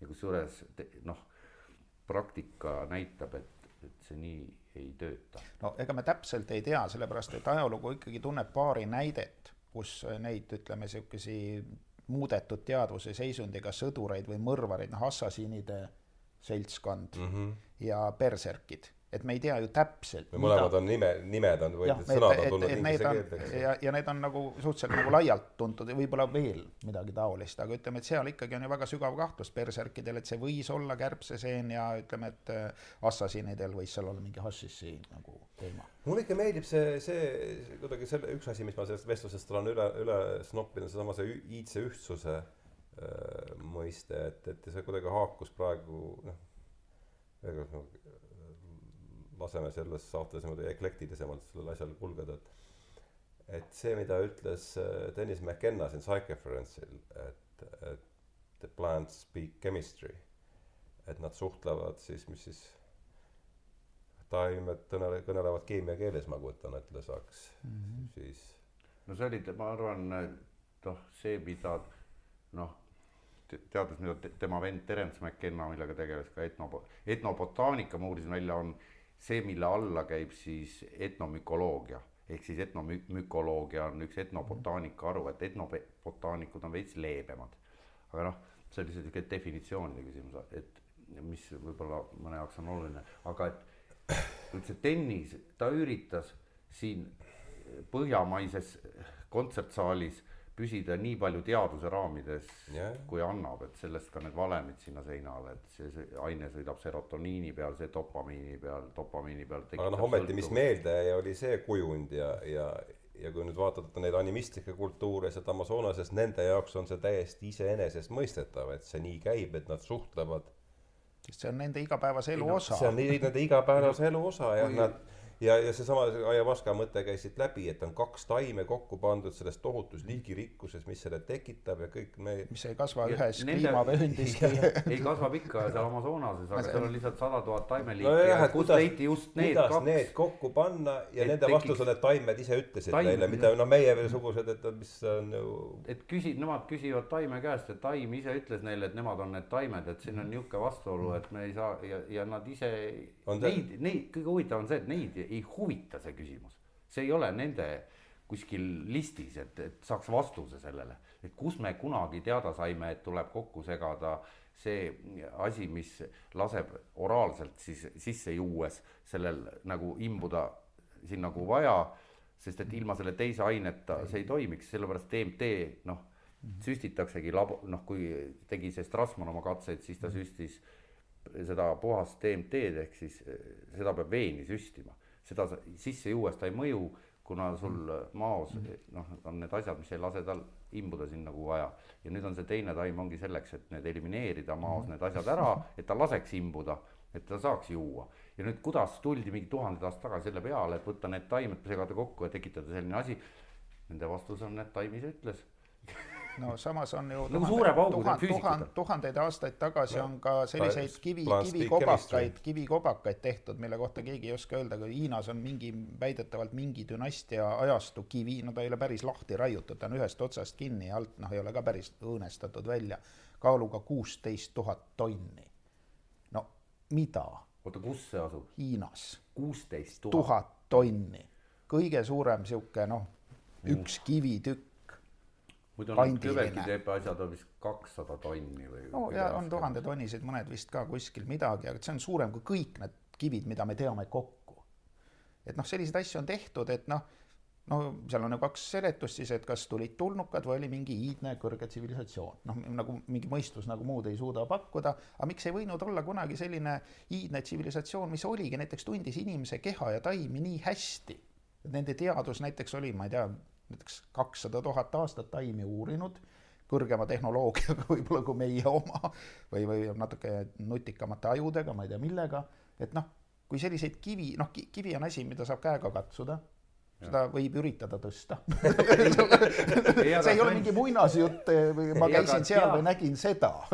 Teadlased väidavad, teadlased väidavad siiamaani selle nende megaliitide kohta, et noh, näiteks seesama Göbelki tepe seal Türgis, et, et, et nad teadlased ütlevad, et need, et, et nad kütid korilased lihtsalt noh, olid nii kõvad kütid korilased et nad hakkasid selliseid megaliite välja raiuma ja vedama ühest kohast teise. sadade kilomeetrite kauguselt üle jõgede ja orgude ja soode. ja sama asi on ju, ütleme Peruus seal Titicacá järve ääres noh, observatoorium või kuidas seda kõige õigem nimetada, mis iganes või Stonehenge'id ja. no ütleme, neid kivikobakaid on nagu üüratult palju, lihtsalt ma tõin selle selleks näiteks, et on ka lihtsalt väga selgeid käega katsutavaid asju mida on väga raske seletada, väga vanad ja täiesti nagu üle, üle, üle tehnika ja mõistuse käivaid, et noh, sama no,. keegi ei nagu, seletagi ju, et no,, et tead-, mainstream teadus, ega sa oled ülikool, ega mm -hmm. sulle ei hakka keegi lahti seletama mm -hmm. sulle Stonehenge'i mm, -hmm. et, et seal tunnis õpitakse. et nad sealt alt Inglismaalt toodi üle nende jõgede, lihtsalt pandi sinna. Nad no. isegi ei räägi sellest, ma arvan mulle tundub, et jutt käib rohkem sellest, et arheoloogid kaevasid välja kivikirve see räägib meile sellest aja, ajastust no,. põhimõtteliselt võib ju kujutada ette olukorda, kus metslased võtavad kõik taimed, mis neil seal noh, seal kõrge mäe külje peal kuskil seal läheduses kasvavad, teevad neist kataloogi, segavad kõik, kombineerivad omavahel läbi, söövad sisse, kirjutavad, keegi kõrvalt jätab meelde, me oleme nüüd seda, eks ole, söönud, proovime nüüd seda. see on siuke tänapäevase metodoloogia. Lähme, lähme algkooli oli matemaatikas, et, et, et, et, et, et kümneastmes mis, et, et, et kombinatsioon on, võtame eri, eri kasvufaasides, eri kasvufaasides tuleb neid võtame, võtame, seal omavahel. väikse numbri nagu nelikümmend tuhat taime, mis on kindlalt Amazonas igas mm, -hmm. igas metsatukas. et, et need omavahel läbi proovida, malelaual on kuuskümmend neli ruutu. ütleme noortaim ja viljad ja juured ja no seal on veel noh, erinevaid võimalusi no,. ei no malelaual on kuuskümmend neli ruutu ja see on ju see vana Hiina lugu, et, et, et see, kuidas noh, toimub see geomeetriline progressioon, eks, et, et, et kui paluti, et ma ei mäleta, mis seal täpselt keegi tegi ja siis see pealik seal, et noh, et annan sulle nii palju kulda, kui sa jaksad kanda, et et kui palju sa tahad, et noh, et okei okay,, et pane üks riisitera, pane esimese ruudu peale, kaks teise peale, neli teise, kuusteist, et, et nii palju, kui viimase ruudu peal on ja siis tundub, et see on, see on kümneastmes kuuskümmend, mis, oota, ma nüüd on, nüüd on minu al-, algkoolimatemaatika lõppes ära. seal võib-olla läks jah midagi, aga noh. no ühesõnaga ikkagi mina arvan, et need metslased võtsid kõik need taimed kõikides kasvufaasides ja, ja sõid need kõik endale Metoodi, metoodiliselt siis. et, et see meenutab natuke, meenutab natuke seda on võimalik ette kujutada. Raamatut ja numbrit nelikümmend kaks, et noh, et kui vii-, palju seal põlvkondi oli, kes seda arvu, arvuti möllas, saada vastus elu mõttele ja siis, kui lõpuks vastus tuli kuuskümmend neli, siis need preestrid linnaväljaku rahvale ei osanud enam vastata, mis see aga ikkagi tuleb edasi elada selle teadmisega, et need kivid on seal ja see kivi kaalub kuusteist tuhat tonni. noh, tahad või ei taha, õpetad või ei õpeta, see kivi on ikkagi seal, mina kuulsin sellest mingi natuke, mõnikord vaatad neid kummalisi jälle, no neid üleloomulike asjade mingeid asju mm, -hmm. sest noh, filmid ju ei kõlba vaadata ja no see uudised ei kõlba vaadata, midagi peab inimene vaatama, et noh, siis mõne aasta tagant vaatad jälle, mis siis seal kanalitel, noh, kanaleid on palju, kes nende ufode ja ma ei tea, millega tegelevad mm. -hmm Nad, nad on uue kivi leidnud, muidu nagu oma arust tead neid kivisid, nad on Hiinast leidnud jälle mingisuguse no jõleduse. ja kui võtta et, et seitsekümmend protsenti planeedist on, on veega kaetud, et, et mis seal all toimub, see allveearheoloogia on ju ka alles suhteliselt algjärgus, et, et nojah, aga kui tulla mingigi struktuuri juurde tagasi, et me hakkame sellest iidsest tööstusest pihta, kus kõik see oli niimoodi see mateeria ja vaim ja hing olid kõik öö, äh, omavahel nii-öelda ühiselt noh, tähendab tunnetati seda niimoodi, et need kõik moodustavad ühtse terviku, nüüd tuleb Descartes, me paneme need asjad nüüd ilusti ühte sahtlisse, et siin on mm. mateeria, meil on siin vaim, saame kokku siin käbinäärmes ja see annab meile võimaluse siis oma vaimu abil nüüd hakata seda mateeriat uurima. ja see noh, laias laastus on teinud ikkagi võimalikuks selle, kus me praegu oleme kõigi nende vidinatega, et et, et ma arvan, et see jällegi nii vähe, kui ma sellest aru saan, ma ei pea seda kogu aeg nagu vist lihtsalt rõhutama, et ma ei saa kuigi palju asjadest aru aga et ma arvan, et see samm on ülioluline teadusliku tehnilise progressi käivitamiseks, et siin on meil mateeriasahtel, seda me nüüd mm. uurime, siin on vaimu abil me seda uurime ja nüüd töötame välja siis erinevad meetodid, kuidas me saame seda mateeriat või ainet siis kõige tõhusamal mõeldaval viisil uurida no.. et no Einstein oli ju suur teadlane, aga ta lemmikraamat oli Blavatskaja see Isis Unrevealed ja tema töömeetod oli see, et ta lihtsalt konutas tugitoolis või mediteeris. või no mis ta seal tegi, ega me ei tea täpselt. ja siis järsku kuidagi. võib-olla kuulajatele seletad, kes oli Blavatska, et no, teosoofia ja kogu see no,. ütleme voodoo. no see oli korralik, see oli korralik voodoo proua. ei, aga sellel on ikka nimi ka, see on teosoofia, teosoofia. ütleme lihtsalt ikka üldist. ütleme ikka, ikka jah, siin piisab, et oli tegelikult. tal oli oma salong Ameerikas. salongiga voodoo proua. Neid, neid võib proovida lugeda. kõrgema, kõrgema ešeloni. Neid raamatuid võib proovida lugeda aga ei pea. aga lihtsalt eh, tahan nagu sinna välja jõuda, et noh, et, et jah, ütleme, et selline nagu noh, teadlase musternäide, eks ole meil, no mitte, et Newton üksi oli mingisugune algkeemik, vaid, vaid Einstein oli ju ka nõiameister. noh, võttis seda asja tõsiselt, tegeles sellega ja sai mingi tulemuse, pärast rikkus oma valemid ära, sest noh, mis ta sai, need algvalemid ei sobinud, seal must energiat ei olnud sees solkis ära, eks ole, mina sain nii aru, ma ei ole füüsik. aga, aga ütleme, et no tulles tagasi ähm, Adolf Hitleri juurde ja tema, tema nõiameistrite juurde. ma korraks käis jutust läbi, et, et, et tulles tagasi Adolf Hitleri ja tema nõiameistrite juurde, äh, siis äh, noh, ega, ega, ega ma ei tea, ma ei ole tema kõnesid lugenud ja ma ei tea, mis ta seal nagu selle nõiduse kohta rääkis, aga üldiselt ikkagi ju see tehnoloogiline areng, mis seitsme aasta jooksul ühes riigis toimus ja lõppes noh, ma ei tea, millega, vähemasti üli, ülihelikiirusega hävitajatega. Mingisugune, ei tea, täiesti laostunud riigist järsku sai mingisugune teadus- ja tehnikagigant, noh, noh, ikkagi väga eesrindlik nagu tehniline riik, kelle teadlased pärast siis töötasid edasi Ameerikas nii meditsiini, ajupesu kui kosmose nagu rakettide alal. et äh, ega need raketiteadlased on ju vastanud täiesti intervjuudes küsimustele, et kuidas te siis selle asja nii ilusasti ära tegite, et meid aitasid inimesed teistest maailmadest ja neil olid need pikkade juustega naisnõiad, kes siis suhtlesid mingite no, mis on sama sama vastus see, et taimed ise õpetasid no.. jah, ja aga, aga see on ikka seesama asi, et noh, et me oleme nüüd mingite vidinatega, meil on mingid ülihelikiirusega lennukid ja ma ei tea, mis asjad, ja see info võib ikkagi olla saadud läbi nõidade kuskilt mingite vaimude või tontide käest, et noh, et need asjad nagu võib-olla ikkagi ei ole nii väga eri sahtlites tegelikult. noh, et meie jaoks tunduvad, et ühed on lihtsalt voodoo inimesed ja natuke ogarad ja, ja paljud ongi. selle vastu see, keegi ei vaidle, et enamus muud inimesi. sahtlites on oletus mm, -hmm. mitte mm -hmm. tõestatud tõsiasi. jah, et see, et enamus kirjanikke on väga halvad kirjanikud, ei noh, ei tähenda seda, et ei oleks häid raamatuid, häid raamatuid ongi vähe ja halbu kirjanikke on palju mm. -hmm. aga, aga see, sellele ei saa üldistada, et noh, ei oleks mõtet üldse lugeda ja ma arvan, et see ongi nüüd selle, selle ütleme, no ma tõesti soovitaks lugeda seda dogmadete teadus, paljudele mõjub ta niimoodi eemale peletavalt, aga see noh, nii need asjad meil siin on. mida, mida Sheldrake ütleb, ongi see, et, et see, mida me peame enesest, need asjad, mida me peame enesestmõistetavaks, on tegelikult oletused. jah ja see on ta surmkindel väide, ta ja see kõlab minu jaoks mm. väga, selle, me oleme selle lihtsalt ära unustanud. et asjad, mida me peame, sest materjalist, me tuleme natuke tagasi veel selle kahe sahtli juurde, aga et need, mida me peame oma eh, materialistlikus elukäsitluses enesestmõistetavateks tõsiasjadeks, no mingil määral aktsioomideks, on tegelikult ikkagi oletused.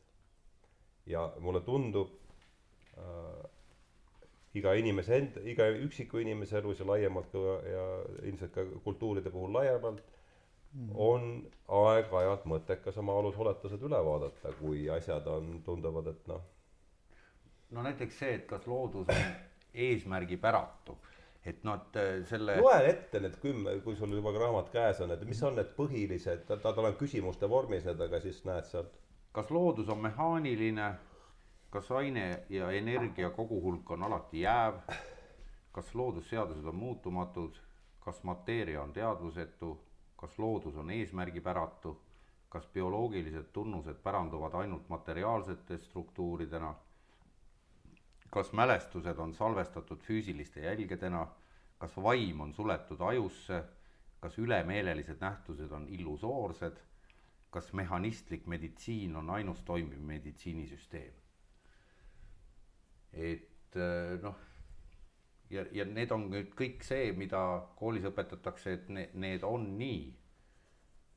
no meile räägitakse raadios ja televisioonis ka väga palju erinevaid asju, millest suurem osa kindlasti ei ole nii, nagu räägitakse, et ega see haridus ilmselt ei erine väga palju, väga palju sellest aparaadist, mis peab meile panema pähe õigeid mõtteid ja teadus on ka seal no, väga, siin, väga siin, lähedal. no siin ma tsiteerin, et enamiku ajast, mil teadus on eksisteerinud, tundus igaveste loodusseaduste idee olevat väga mõistlik. ja see ongi kogu põhjendus.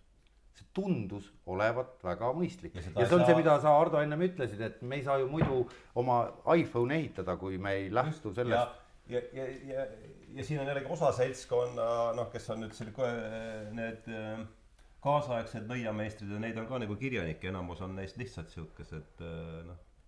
räägivad mingeid jutte no,. Samas... peksavad segast, eks, aga et noh, et siis, et ühe roobiga ka kõik see minema visata, mis meil on võimaldanud helistada, ehitada, see tundub ju ka täiesti jabur. aga et noh, aru, seejuures aru anda sellest, et siin on, on võimalik ka maailmale teistmoodi vaadata.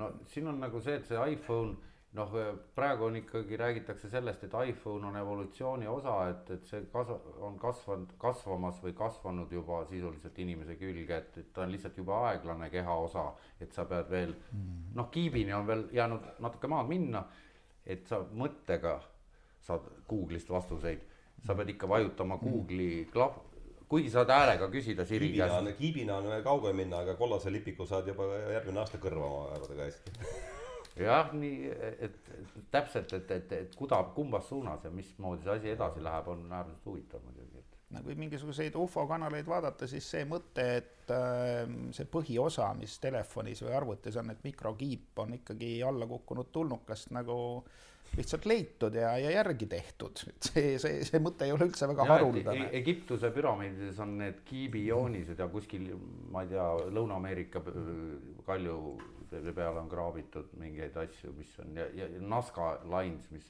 need jooned, mida ainult lennuki pealt näeb, mis on mingid äh, geomeetrilised kujundid ja loomad ja asjad, mis on et ühesõnaga ikkagi see vaateviis, et see, see kõrgtehnoloogia, mis meil järsku on tekkinud ja üldse mingisugune meie aju, mis on järsku hakanud arenema, et näed, haigala on olnud nii palju siin, eks ole, me, ma ei tea, mitu miljonit aastat või sada miljonit aastat või mitusada miljonit seal ja seal. millegipärast tal ei ole isegi seda vändaga telefoni, mis alguses nagu meil seal kuskil. no indiaanlastel on ratast, noh. et aga... neil oli laste mänguasjadel olid rattad all, aga hobustega nad sõitsid ratsa küll, aga käru neil ei olnud taga. jah, et, et inimene ei ole ole see kõige uuem nagu olend siin planeedil, on väga palju vanemaid nagu olendeid, kes millegipärast ei ole nagu hakanud arenema.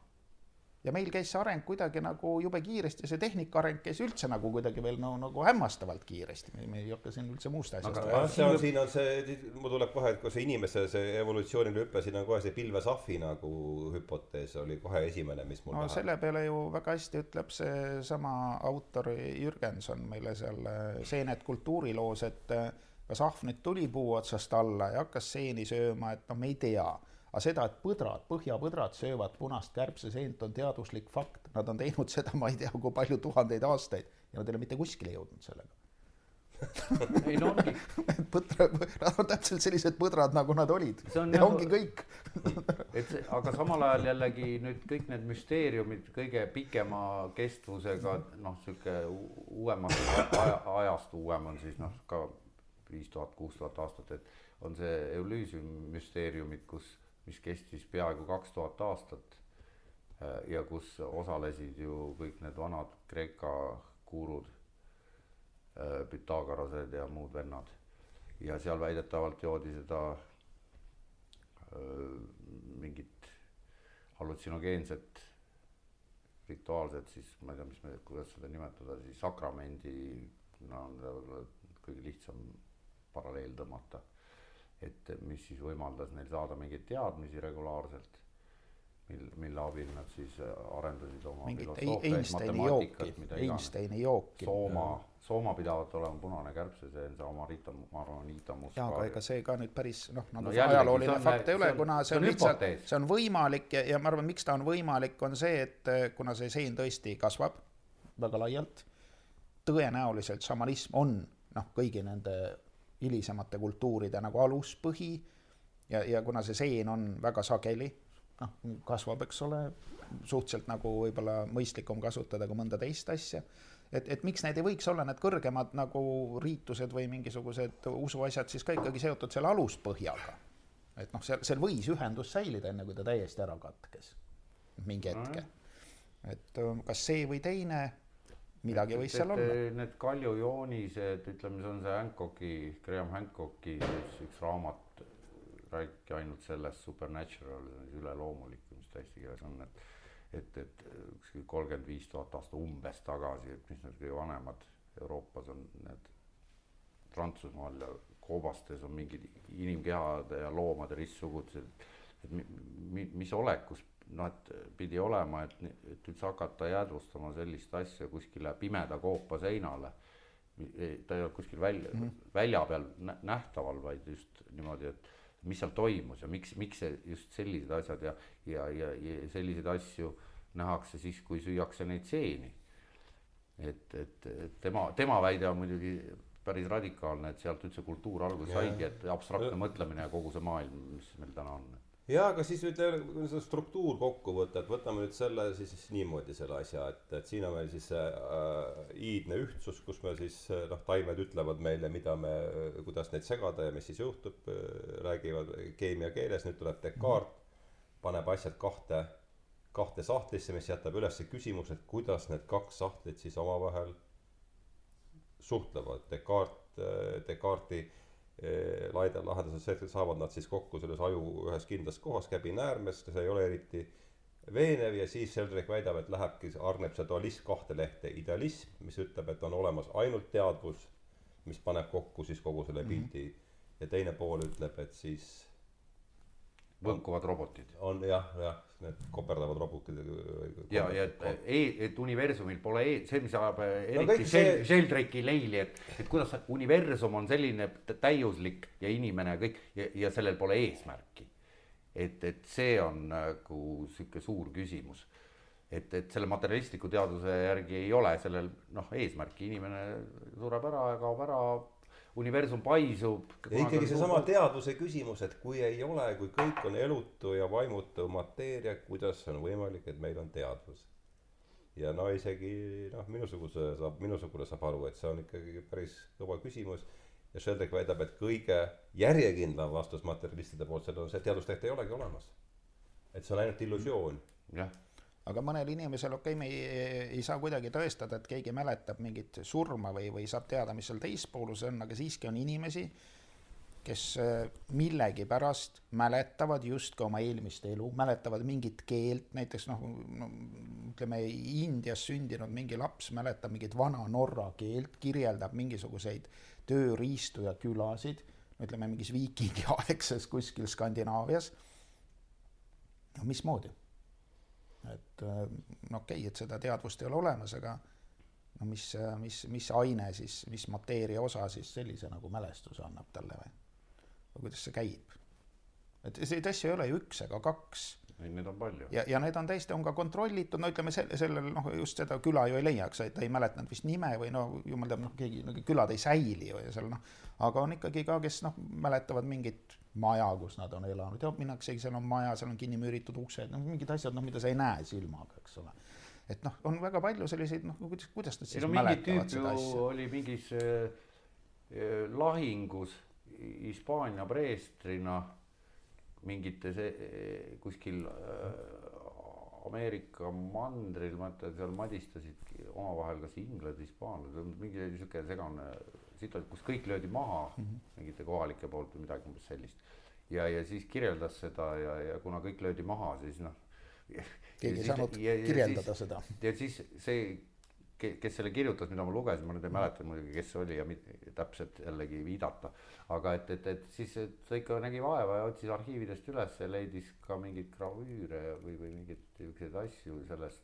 et, et seal oli sellel preestril oli mingi kindla asjaga mingi sõrmus, mida ta kirjeldas ja seal piltide peal oli ka ja see lahing oli ka ja kõik see asi oligi toimunud ja, ja, ja. et noh, selliseid asju ja, ja ei ole toimus. üks ega kaks muidugi. ja, ja, ja et siis ikkagi keele, keele küsimused, et hakatakse rääkima mingis keeles.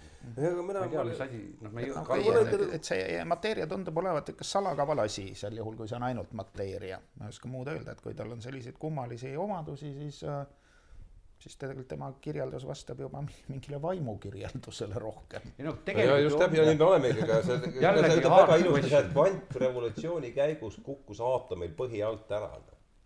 see on väga ilus kujundus, et ja sealt noh, lõpuks.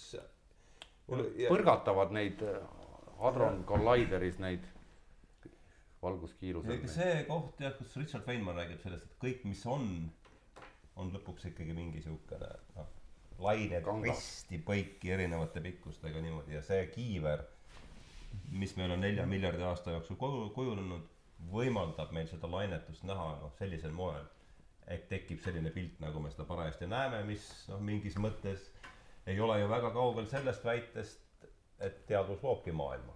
nojah, et, et Sheldrak ta paneb selle lainetuse kokku nii, nagu me teda näeme.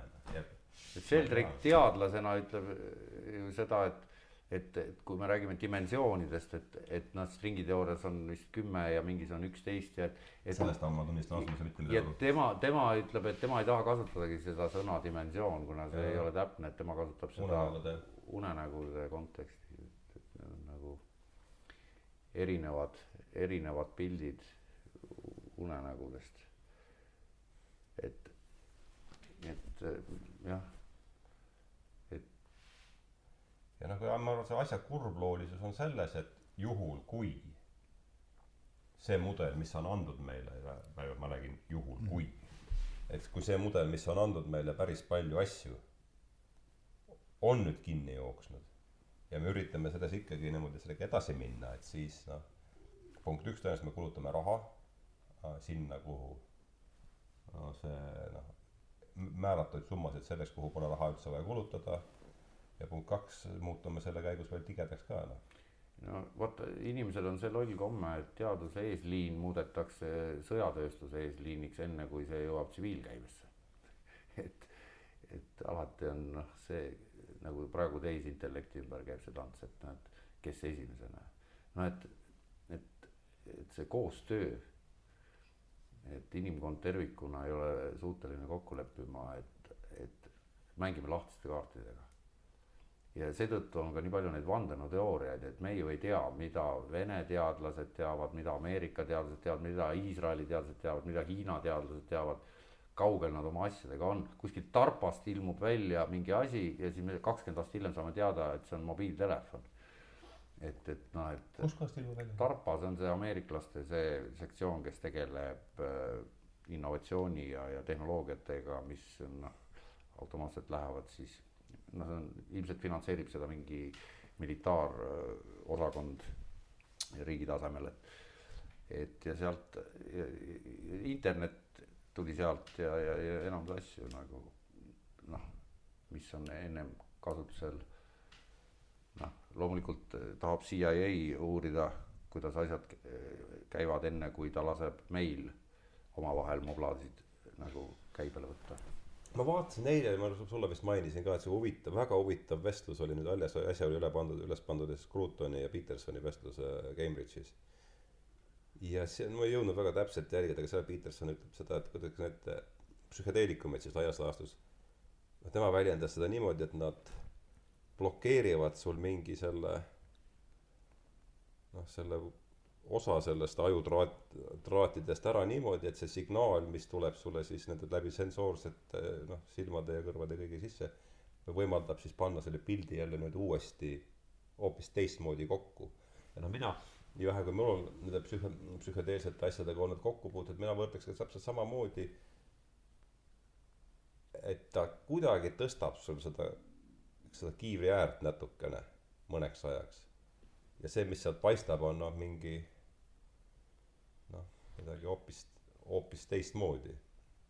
nojah, vot, et ja see on ka nagu hantli tõstmine, et, et on ju teadlased mõõtnud neid aju, ajusid mediteerijatel ja et need hardcore mediteerijad on pidevas valgustatuse selles osakond, helendab nii-öelda seal EEG pildi peal arvutis. see, mis ütleme nõrgematel mediteerijatel või siis nendel, kes ütleme, panevad seal mingit psühhotroopset värki, vilksatab niimoodi hetkeks, siis kaob jälle ära. ma mäletan nende asjade nimesid, aga see polegi vist tähtis selles kontekstis, et, et aga et on inimene on võimeline ka ilma aineteta praktikaga tegeldes igapäevaselt jõudma sellesse staadiumisse, kus ta on kogu aeg nii-öelda noh, ma ei tea, valgustunud on vale sõna, aga mingis virgunud. noh, seal natuke see annab sellise mingi sellise jah, siukse Ja või- liiga voodoo aspekti Ei, aga ei, see- no meil on niikuinii see Jah. voodoo aspekt sees, me ei No pääse on- sellest, no sest et küll, kui me jätame selle jõuga välja, siis, siis me Ei, peaksime nõus, ennast kuulutama teadlasteks. seda küll ja seda, mida me ei keegi taha ei ole. kuskil on kuueteist tuhande tonnine voodoo kivi, tahad või ei taha, eks ole. sa pead lihtsalt oma- oma elu ja kiviga midagi ikkagi peale hakkama. no ütleme, voodoo on siis jah, selles mõttes see, mis ei mahu sellesse materialistlikusse arusaamisesse ja sinna päris palju hakata vaatama, siis neid päris palju asju, mis sinna ei taha kuidagi ära mahtuda. Voodoo Aga- on ikkagi konkreetne nimi konkreetsel praktikal, et, et ta aga, väga aga, pidev. aga tulles tagasi nõus. selle korraks kiivri nagu äh, tõstmise juurde, ma arvan, et see on nagu päris, päris nagu täpne kirjeldus, et ega noh, tõenäoliselt on asi ikkagi nagu erinevates transitehnikatega ja selleks ei pea mm. ilmtingimata kasutama ei seent ega, ega, ega mingisuguseid muid keemilisi vahendeid kunagi Argo Moor pidas ühe loengu sellest, et noh, on väga, väga palju muid võimalusi, noh, paastumised, ma ei tea, mm, mis, mis mediteerimised, noh, see on nagu väga lai skaala, noh, nende, noh, hüpnoosi võib ju näiteks lugeda raamatuid hüpnoosi kohta, noh, millised on nagu need transitehnikad ja transiastmed. et noh, hüpnoosi jaoks on seda päris korralikult uuritud ja hüpnoos ei olegi üldse nagu päris nagu naljaasi. et see on küllalt tõsine asi et äh, üldjuhul ju väga noh, kuni ma ei tea, minu arust viimaste aastateni oli selline nagu ametlik seisukoht, et CIA uuris hüpnoosi, sest neil oli üks äh, ülemus, kes oli käinud noh, nagu tsirkuseetendused, kus äh, noh, hüpnotiseeritakse inimesi ja see on nagu küllalt nagu mõjuv vaatemäng. ja, ja tal hakkas kohe mõte liikuma, et aga seda saaks ju jube hästi nagu kasutada, eks ole, saad inimesi nagu panna tegema midagi, eks ole siis läks ise kursustele, ma ei mäleta selle tüübi nime, aga seda kõike võib ju noh, välja guugeldada. Mansuuria kandidaat. jah, jah, sama asi. et õppis seda ja siis tegi oma assistentidega sellise katse, et noh, hüpnotiseeris ühte, et võta püstol ja lase teist. noh, püstol oli laadimata, loomulikult tüüp võttis ja lasi teist ja siis ta pani mingi projekti käima. ja siis edasi tuleb jutt niimoodi, et äh, ei, sealt projektist midagi välja ei tulnud no inimesi ei saa hüpnotiseerida tegema seda, mis on vastuolus nende moraalsete väärtustega, no üldse ei saa hästi hüpnotiseerida. no ikka nagu seal on nagu nii palju probleeme selle hüpnoosiga. ja ma tahtsin kunagi kirjutada romaani ja siis noh, lihtsalt noh, et on ka mingi hüpnoosi teema on seal sees ja siis lugesin raamatuid. ja on mingi noh, praegu jälle see ei ole, no üldse nagu ei valmistanud ette seda teemat nagu tänaseks, aga kuulus hüpnoosiarst Ameerikas siis noh, confusion tehnika nagu looja, et noh, selle järgi võite ta välja guugeldada. et eh, tema leidis nagu noh, kasutas seal hüpnoosi, mingeid asju saab hüpnoosiga ravida, see ei ole väga lai skaalaga, no midagi saab teha, mitte ainult sümptomeid alla suruda, mingeid asju saabki ravida. ja ta kiirustas kuskile, noh, kas loengusse, kuskile oli vaja kiiresti minna, keegi küsis kella talt tänaval ja ta vastas kuidagi kiirustades jaburalt, andis talle mingi absurdse vastuse ja siis ta nägi, kuidas tüüp nagu selle peale läks transsi.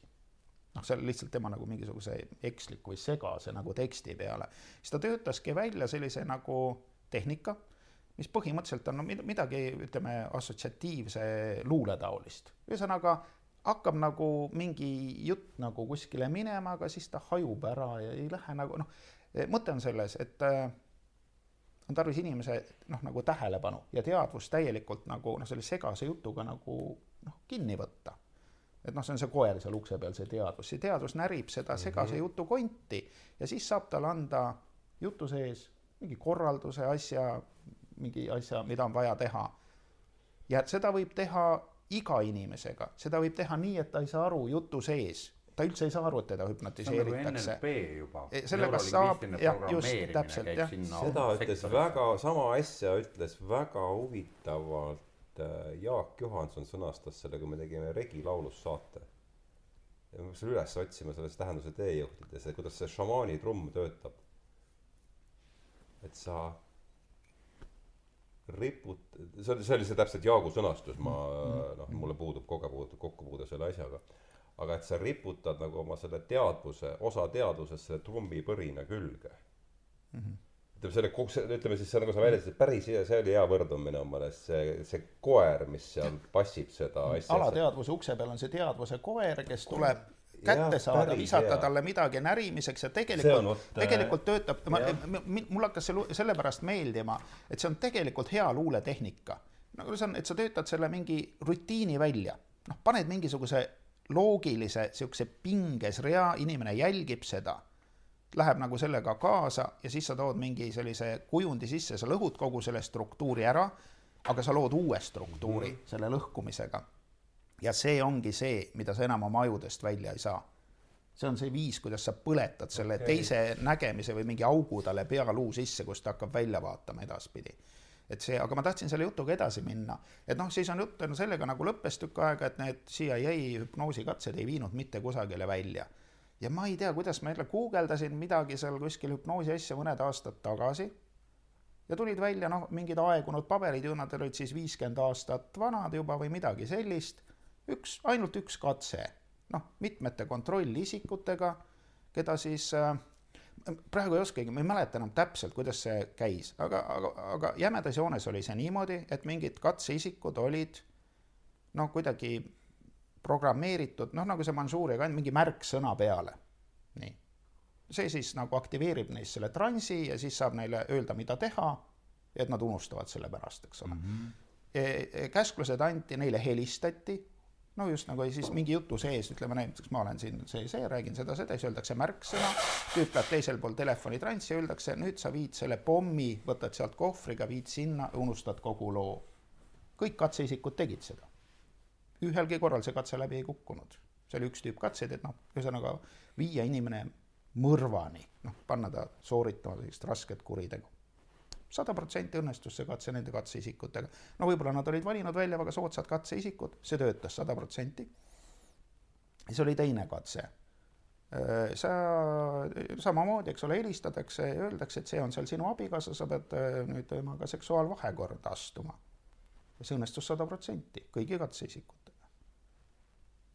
inimesi on võimalik hüpnotiseerida tapma ja seksima ilma ühegi nagu läbikukkumiseta ilma kasutamata mingeid? mitte mingisuguseid keemiaid, kõrgtehnoloogiaid, noh, ma, ma ei tea, kuidas see protsess oli, kuidas neile see päästik pähe istutati. mulle meeldib see koera kujund jah. aga mina lugesin neid. see koer alateadvuse uksel jah ja.. nii see on. neurolingvistilise programmeerimise asju seoses sellega, kui ma kunagi, ma ei tea, viis aastat tagasi, kakskümmend ammu te, võrkturunduse teema, teemaga, noh, kui see tuli päevakorda, oli popp teema ja siis see oli seotud ja siis ma lugesin neid NLP raamatuid ja, ja seal on need, need näited, et noh, et kahekümne viies kaader pannakse, mis on kõige tuntum mhm, vist mm, -hmm. pannakse filmi, kus on kakskümmend neli kaadrit, meil pannakse kahekümne viies, kus siis on mingisugune meem või mingi, käib läbi, mida, mida sa tead, teadlikult ei näe üldse mm. -hmm. ja, ja sa, sind sunnitakse mingit asja vaatama ja, ja, ja siis ja, ja sa ei näe neid pilte, mis sul eest läbi jooksevad, aga need salvestuvad mm. ja panevad sind ka tegema, mida sa Sven just rääkisid. valima seda või ostma mingi, seda. et see ei ole hüpnoos, et ja. see on niisugune ajude programmeerimise tehnika ja, ja, ja, ja see ja seda harrastavad no, siin Eestis. ma arvangi, et kui, kui hüpnoosi ei kasutata, siis ainult sellepärast, et on veel tõhusamad vahendid. noh, noh kindlasti no kui sa kujutad ette nüüd mingisugust luureorganisatsiooni, kes ei kasuta võimalust panna inimesi tegema ükskõik, mida on vaja neid tegema panna.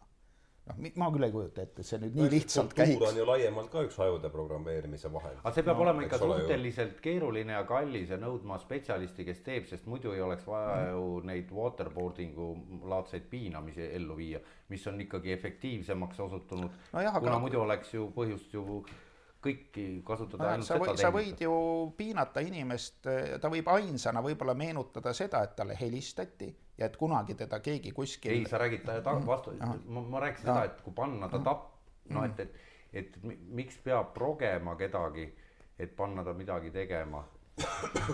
noh, tont seda teab jah. või noh, tegelikult selleks natukene jah ma ütlen, ma ei tea seda tehnikat või, või ma ei lugenud seda välja, väga ka ei süvenenud, et kuidas see päästik nagu pähe pannakse inimesele, et sa saad teda, võib-olla seda ei saa igale inimesele pähe panna, aga kui ta seal peas juba on, siis see töötab. kuidas see sinna saab, vot see, see, sellele ma ei oska vastata. et võib-olla seda jah, tõesti igale tüübile jah, ei saa igas olukorras pähe panna. oota, kui selline päästik oleks olemas, siis ei oleks alkoholism ravimatu haigus aga vähemalt osadele inimestele oli võimalik seda pähe panna ja kontrollgruppidel no, see töötas. noh, kui suur see grupp on, kui raske selle tegemine, seda ei oska öelda. aga, aga ma tahtsin selle trummi jutuga tuli, tuli meil sealsamas kult, äh, Seenet kultuuriloos on üks Soome nagu pärimus üles kirjutatud, mis räägib nagu siis kahte tüüpi neist, et üks on päris nõiad, eks ole, ja teised on need trumminõiad. Ja trumminõiad on need, kes siis söövad seal mingeid seeni või mingeid asju ja need on nagu sellised viletsamad nõiad üldse et isegi õige nõid ei käi nendega ühel rajal, et need trumminõiad ja keemianõiad on nagu nii madal tase nagu päris nõia kõrval. no kes ongi siis ilma igasuguse keemiata sellel tasemel, et ta saab seal käia teistes maailmades ja teha neid ravida või näha või tulevikku või mida iganes. Sass ütles mulle siukse lause, no meil on Saaremaal olime suht lähestikku naabrid, et aeg-ajalt suhtlesime ja ja mul oli võimalus temaga noh, üsna pikki vestlusi pidada. ja ta ütles niimoodi, et šamaani trummi kohta siukse kummalise lause, et meil, et seda pole juba neli tuhat aastat tarvis, seda trummi. küsin, mis mõttes? ta ütles, et noh, et ta seostas selle karjakasvatusega. ja, ja, ja vas-, ja lõpp ja, ja, ja see ja põhjendust ei järgnenud. ma olen korra temaga kuskil mm. üritusel on ta seda teemat nagu puudutanud, siis ta ütles seda, et trumm on nagu oma tahte peale surumine, et see on nagu vägivaldne asi või noh, et see on niisugune brutaalne meetod, et noh, seda ei ole üldse nagu mõtet nagu kasutada.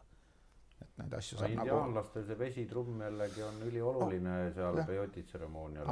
aga, aga noh, et Soomes on ka see nagu see... sama, samasugune arusaam, et see trummivärk ei ole nagu õige asi või noh, et see on selline noh, umbes algajatele või nõrkadele, et noh. no üks teema, üks lai teema, millest peaks üldse, ma arvan, seda peaks tähenduse teejuhtides käsitlema, on üldse rütm mis tuum oh.? no see on ju sagedus, ega sagedus. siis eh, sagedus, ega ajurütmid on lihtsalt erinevad sagedused. noh, tulles no, BPM ju reividel, beats per minute, ekstasi mhm. tablett sisse, mhm. sada kümme biiti mhm. minutis tekitab äh, saalitähel inimestel sellise oleku, et, et see, see reividega kadus ju ära see, et inimesed tantsisid baarides ju enne noh, selles mõttes baarides, mitte kõrtsudes baarides mm,, vaid et paari kaupa. et siis hakati, noh, kõik vaatasid sinna DJ poole mm. ja see, mis see ekstasi on siis, MDMA, jah, see on sees ja siis ja, ja see sada kümme või sada kakskümmend, ma võin eksida, ma ei ole spetsialist, et, et mm. aga et mingi kindel rütm, mida antakse, mis siis eh, lööb selle nagu käima ja, ja need tseremooniatel ütleme seal noh, ütleme see peoti seal meskaliini, et siis võib-olla seal on ka samamoodi, et nad et, et nad taovad suht kiiresti seda mhm. vesitrummi ja, ja et see noh, kõik noh, et need, et see, see trumm ja see ja siis see keemiline asi, mis mhm. siis ajus toimub see vas-, lainete sagedus, mida sa oled siis võimeline selles kontekstis vastu võtma, annavad selle mhm. tulemuse, et sa saad siis teada midagi no lained on väga noh, ajulainetega on ju selge, et loovad ideed, ütleme, et kust siis tuleb meie tehnoloogia ja kunst ja kõik see, see on alfarütm, see on, polegi tähtis, mitu, mitu ühikut mingis ajaühikus see rütm on, vaid see on see, mida iga inimene kogeb oma elus, see on eh, uinumise ja ärkveloleku vaheline olukord, siis on aju alfarütmis. Ja seal tulevad loovad ideed, no ükskõik mis laadi, seal on probleemid ka. ei, see võib-olla, ma, ma ei ole Jungi, Jungi, Jungil seda mäletan nagu, Ermaküla meil koolis rääkis teatrikoolis oli. ei no aga see on näiteks Tamming, Tamming on ajulainetest ja nende mõõtmistest palju loenguid, et kui see teema huvitab, siis võib Tammingut lugeda või noh, ta on, tal on oma kirjastus, mis neid jah, jah. aga, aga tema loengud on ka väga asjalikud, et selles mõttes sealt saab mingisuguse põhja kätte, et jah, et kust see siis tuleb, et see tehnoloogia ju, kui, kui see on inimese välja mõeldud, on ta ka väga tõenäoliselt selle alfarütmi nagu alfarütmis ideed nagu kätte saadud, et ikka me jõuame jälle sinna välja, et noh, ma ei tea. vaata, minule meeldib, meeldib see seletus, mis oli vist, eh, jooksis läbi Petersoni piiblilugude loengusarjast, et, et. sa kuulasid läbi need või? Kõiki mitte muidugi, seal on mingi paarsada eh, kopikatega neid. viisteist vist on nüüd. ei, ma mõtlen, et. piiblilugu, see esi, esimese. mis on see... netis üleval mingi. no see sari on kokku viisteist loengut. Okei okay,, jah, räägi edasi, et ma segasin vahele.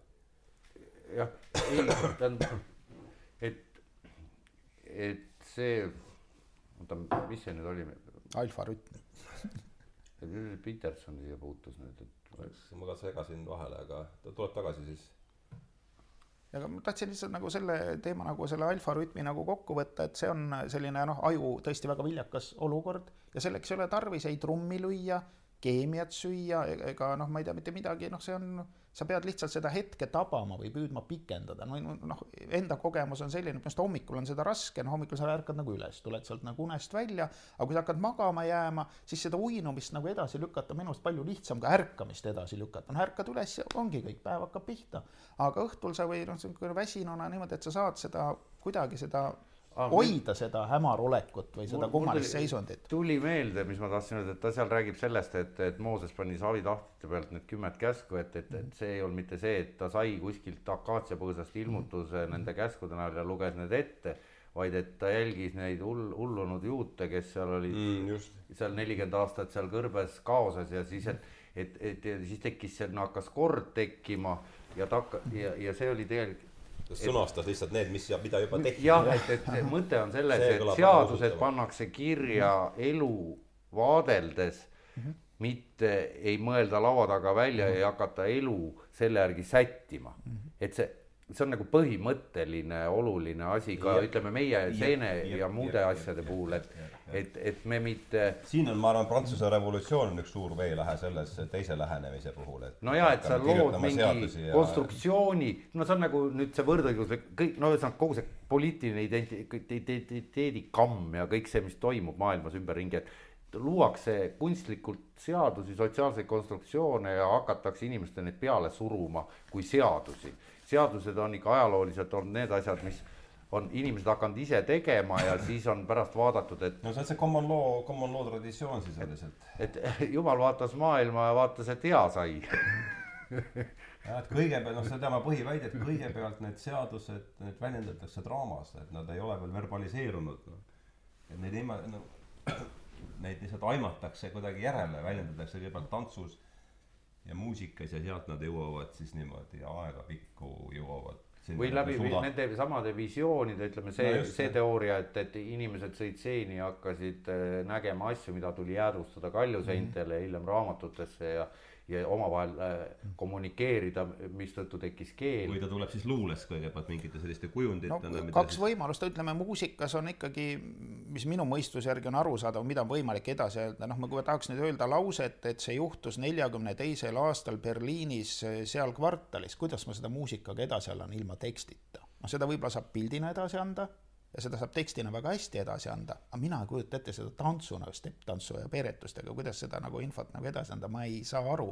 et ma ikkagi näen selle noh, nagu noh, et see muusika on ikkagi see rütmiinstrument, aga sõnumiinstrument on ikka kas pilt või siis selline no, tants, pildi. tants on ometigi no jah, seal on, seal, seal saab no jah, midagi rohkem teha. ja, ja, ja seal saab mingeid asju küll, aga ütleme, seal on piirid seal on ikkagi no, piirid, lugu, lugu on selline asi, no ütleme mingi müüt või muinasjutt või, või legend, sellega saab ju kõik edasi anda peaaegu. aga see tuleb palju hiljem, kui enne, enne lihtsam on, kui sul kirjagi pole, tants no,, käed ja jalad on sul olemas. no mälu ikkagi oli ja lugusid räägiti ja noh, mingeid laule ja, ja noh, et see noh, kõik no. see rütmid ja need on no ka mäluinstrumendid, noh, ütleme. hundid tantsi, hundid tantsivad ja müravad, aga nad ei räägi, vähemasti mm -hmm. meile teadaoleval viisil, et ju see meil käis umbes samamoodi, ma kujutan ette või mis sa arvad? võimalik aga ma kuidagi noh, nagu selle muusika suhtes olen nagu kaunis skeptiline, et noh, see noh, võib küll teha, ma ei tea, balleti Luikede järv, aga kui nüüd panna sellele balletile teine pealkiri, siis ma arvan, mitte midagi ei muutu. Või ooperile või, või see ei ole mitte see, mida meie teeme? Et äh, paneme pealkirja ja siis paneme sinna loo ja siis vaatame, kuidas, et mis juhtus selles mõttes on jah, see läheb liiga teemast välja.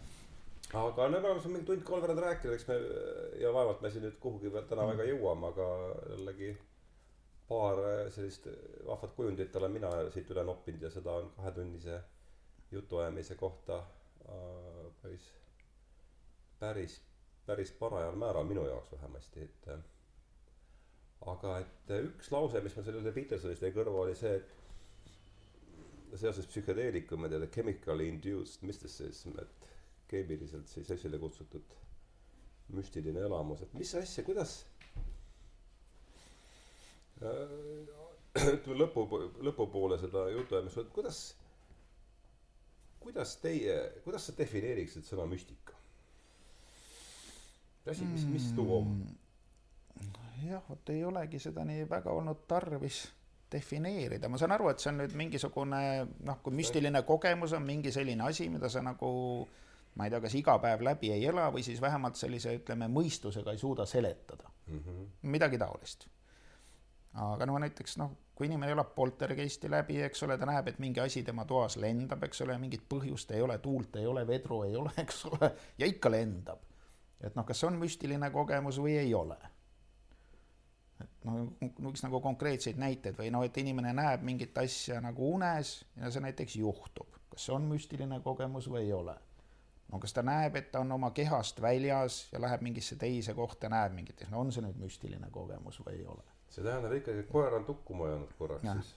mis, mis, mis asjad need kuju, on, et raames, ma ei, ma ei kujuta ette, noh kindlasti on noh, inimeste elus asju, mida ei saa tavakogemuse ja sellise, ütleme, materialistliku maailmavaatega seletada. ja noh, kindlasti saab neid noh, keemiaga esile kutsuda. noh, mingit sellist olekut, mida sa varem pole nagu trummi, läbi elanud. ja trummi ja kõige ja, ja, ja paljude muude asjadega, ma arvan, et see une ja ärkveloleku vaheline asi on võib-olla kõige lihtsam selline teist, teistsugune ajuseisund, noh, mida, mida võib ju üritada kas või noh, kui nüüd saade on läbi ja hakatakse mingil hetkel magama minema, püüda seda hetke, siis nagu püüda seda. mulle tundub, et müstika on isiklik, ehk siis jaga, jagamatu sõnades, et, et kui mitu inimest näevad ufot, siis nad ei nimeta seda noh, see ei ole müstiline kogemus. kui terve Los Angelese linn näeb, kuidas kahurid öö läbi lasevad äh, lendavaid taldrikuid, siis ilmselt see ei ole müstika, sest see on lehe, lehes on pildid, eks ole. Sõjaväelaste ettekanded on olemas, kõik on olemas, aga samas see ju on müstiline. aga see, kui, kui mina on mitmeid tähendusi. kui, kui, kui, kui noh, mina mõtlen mingi, mingi asja peale ja siis läbi, siis helistab mulle keegi ja hakkab esi-, keda, kes pole viis aastat helistanud ja, ja, ja küsib täpselt sedasama asja, mida ma hetk tagasi. tahtsid just telefoni võtta nägin, siis noh, siis minu jaoks on see tol hetkel, see läheb ruttu meelest ära mm. -hmm võiks kvalifitseeruda kerge müstiline, see on väga, ma arvan, lai, noh, seal on, saab ilmselt teda mõõta. no minu jaoks on see küll tuttav, tuttav, tuttav olukord. jah, et aga, et, et see on enam-vähem kõigil inimestel juhtunud ja see on sihuke slight, sihuke lahja müstiline kogemus, aga kahtlemata on ta seletamatu, et, et keegi ei oska seda seletada. alkoholivaba jah, alkoholivaba müstiline kogemus. ma ei tea, kas sa panid tähele selles samas äh, pikemas loos, mis ma palusin tal läbi kuulata, ütleb, et there is a book that I am, Sheldrake ütleb siis, et there is a book that I am rather keen on, on see David Bentley Hard the experience of God uh,. Conscious uh,, mis see oli siis um,, Being consciousness bliss oli alapealkiri, ma nüüd lugesin seda poolenisti läbi ja kurat, ega ta ei ole lihtne lugemine ikka päris, nüüd ma võtsin väikse puhkuse sellest, aga kas seal paar asja, mis mul on meelde jäänud, on see, et ja see on kindlasti raamat, millest tahaks tähenduse teejuhtides kunagi, kui mm, pikemalt rääkida, aga see, et et see võib-olla see, see tohutu imestus selle üle, mis ikkagi tegelikult on olemas.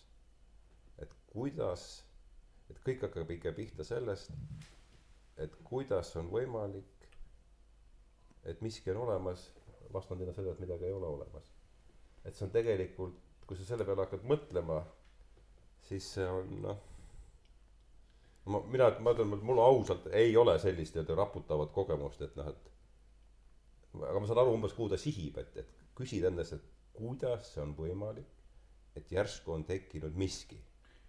Aga..., mille siis vastandiks on mitte miski, eks, ja see üks lõik seal peal ütleb, et et mitte miski ja miski vahel on lõpmatu kvalitatiivne erinevus.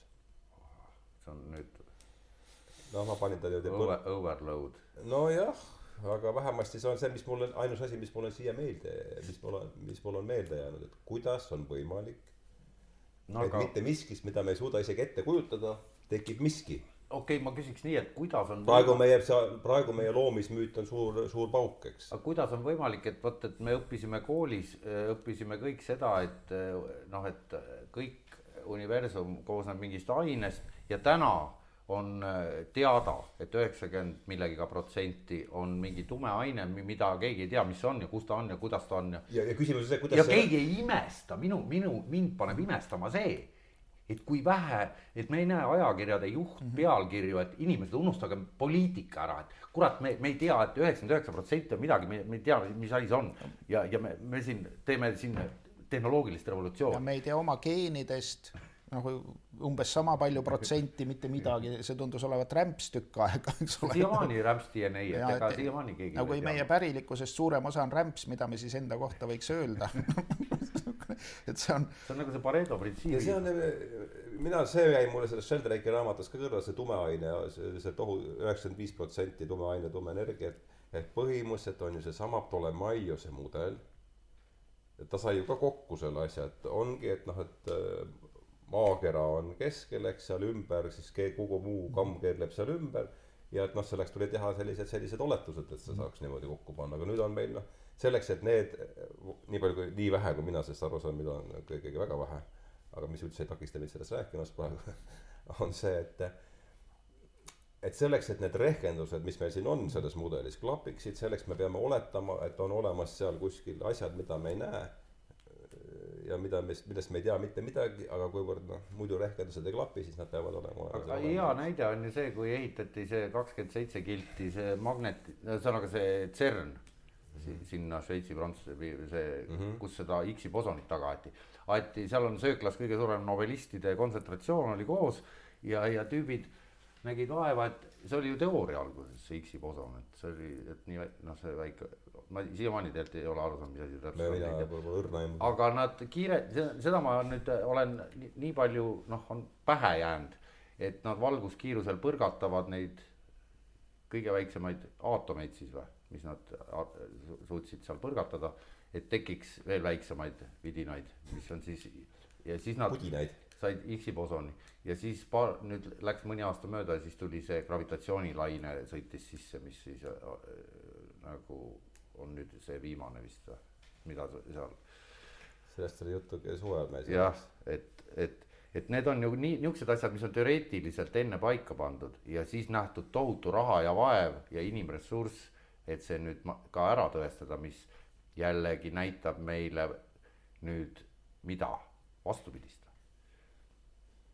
Et seadused ei, mitte ei kirjutata maha, vaid on võimeline ka teoreetiliselt välja mõtlema ja siis katseliselt kinnitama. või, või vot kus see, kus see, kas ma nüüd räägin teemast mööda ei räägi, räägi edasi, ega ma ei, ei ole päris kindel, kus see teema praegu ongi, nii et väga sa saagi väga mööda rääkida. mina nagu isegi väga ei süvene, kui teadusest räägitakse, sellepärast et noh, mis, mis meile teaduse ajalugu on õpetanud seda, et teaduse seisukohad muutuvad väga kiiresti ja väga põhjalikult ja kui sa nüüd võtad endale pähe mingisuguse teadusliku väite, mis parasjagu esitatakse, tõenäoliselt saad sa ju petta. ega teaduse algusest peale ei ole vist eriti ükski postulaat püsima jäänud et äh, selles mõttes noh, see on nagu ajaleht, et täna räägitakse nii, homme räägitakse teistmoodi, võib-olla risti vastupidi. no kui, kes on püüdnud tervislikult toituda, on ilmselt oma ükskõik kui lühike see elu on, noh, näinud, kuidas kanamunad on kõige hirmsam mürk ja siis jälle, et ta on tegelikult väga hea toit ja, ja, ja vastupidi.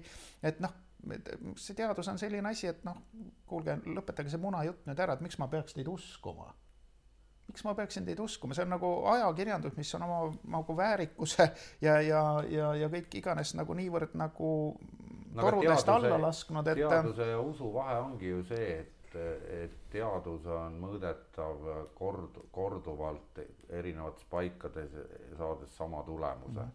-hmm. ja usu puhul noh noh, no ole. ma arvan, et eks need lõssenkistid said ka ikkagi mingi tulemuse või ma ei tea, kuidas, kuidas, kuidas nad seda oma asja omal ajal ajasid. No nii palju igasuguseid teadusi, no kunagi oli sovjetoloogia, neid väga palju neid teadlasi oli nagu mööda maailma, tõsi küll, nad vist eksperimente no, teinud. tõsiasi on see, et kui me vaatame nüüd ikkagi sellist eh, noh, kui vanasti oli eh, siin mõned sajandid tagasi oli katoliku kirik, mis andis sellele asjale, no kogu sellele asjale mingi selgroo, mis hoidis seda kehandit, ühiskondlikku kehandit koos, siis noh, praegu see täiesti selge, et selleks on ikkagi teaduslik maailmavaade, see on see. aga me saame ju aru, et see on täna juba vana. Kõik, kes täna räägivad teadusest, ju räägivad, et me, me ei saa enam materjalismis kuigi koolis veel õpetatakse no,, õpikuid ei saa ümber kirjutada, sest noh, õpetajaid pole kaugeltki mitte kõik, kes ta ikkagi. ja ma mõtlen. Sheldrake no, on ikkagi ju selgelt sellise Ketseri, Ketseri auraga. ja aga ta, ta ei ole üksi. Ei ole kindlasti üksi jah. Neid on ikka, ikka mitu ei no see teadus ongi kahtlane asi, ega mõistlik inimene no, peab selles kahtla, kahtlases asjas kahtlema hakkama, ega seal ju mingit äh, väga palju muid äh, mõistlikke reaktsioone ei saagi olla. no kuhu see välja viib või, või no ma ei tea, noh okei okay,, et noh, võib öelda, et teadlased on teinud kõik need toredad vidinad, mis me elu teevad selliseks ja selliseks. jah, aga, aga samas jälle on väga palju selliseid, ütleme, vandenõuteoreetikuid, mis, mis nii iga päevaga edasi enam nii väga vandenõuteoreetikutena ei kõlagi, et noh, see on ikka mingi voodoo meistrite töö et noh, kuhu me nüüd jõuame siis sinna ne, ne, ma tahan öelda seda, et kui, kui natsid tegid mingisuguseid oma aja teadustehnilist revolutsiooni, siis selle teaduslik-tehnilise revolutsiooni taga olid nõiameistrid, muud midagi, mitte teadlased. teadlased viisid ellu selle ja teostasid ära selle, mida nõiameistrid kuskilt noh, tont, tontide jutust siis nagu üles kirjutasid ja üles nagu joonistasid. Newton pidas ju ennast ise, defineeris ennast ise nõiameistrina, tema oli ju alkeemik ja müstik.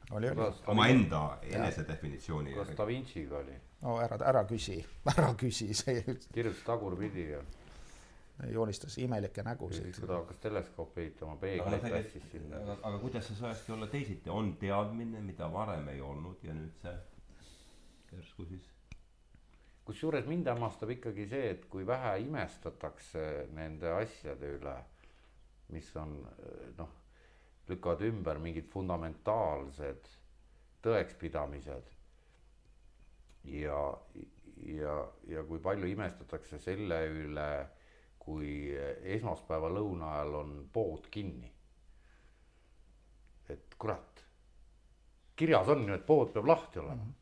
noh, mingis mõttes on see mõistetav, sest mingit see alum, noh, me ei saa ja, ja no ütleme dogma, ega me ei saa ka ilma dogma, et see noh, minu meelest see mõte, et me saaksime hakkama ilma dogmadeta on iseenesest jabur, sest dogma on ikkagi see, mis me ei saa kõiki alusoletusi noh, iga päev ümber vaadata, sest me peaks hakkama iga päev õppima, eks ju, meil peab olema mingi dogma, mingi mingi- mõte, mida me teha et nüüd viissada aastat me seda asja nüüd näiteks nüüd ei puutu.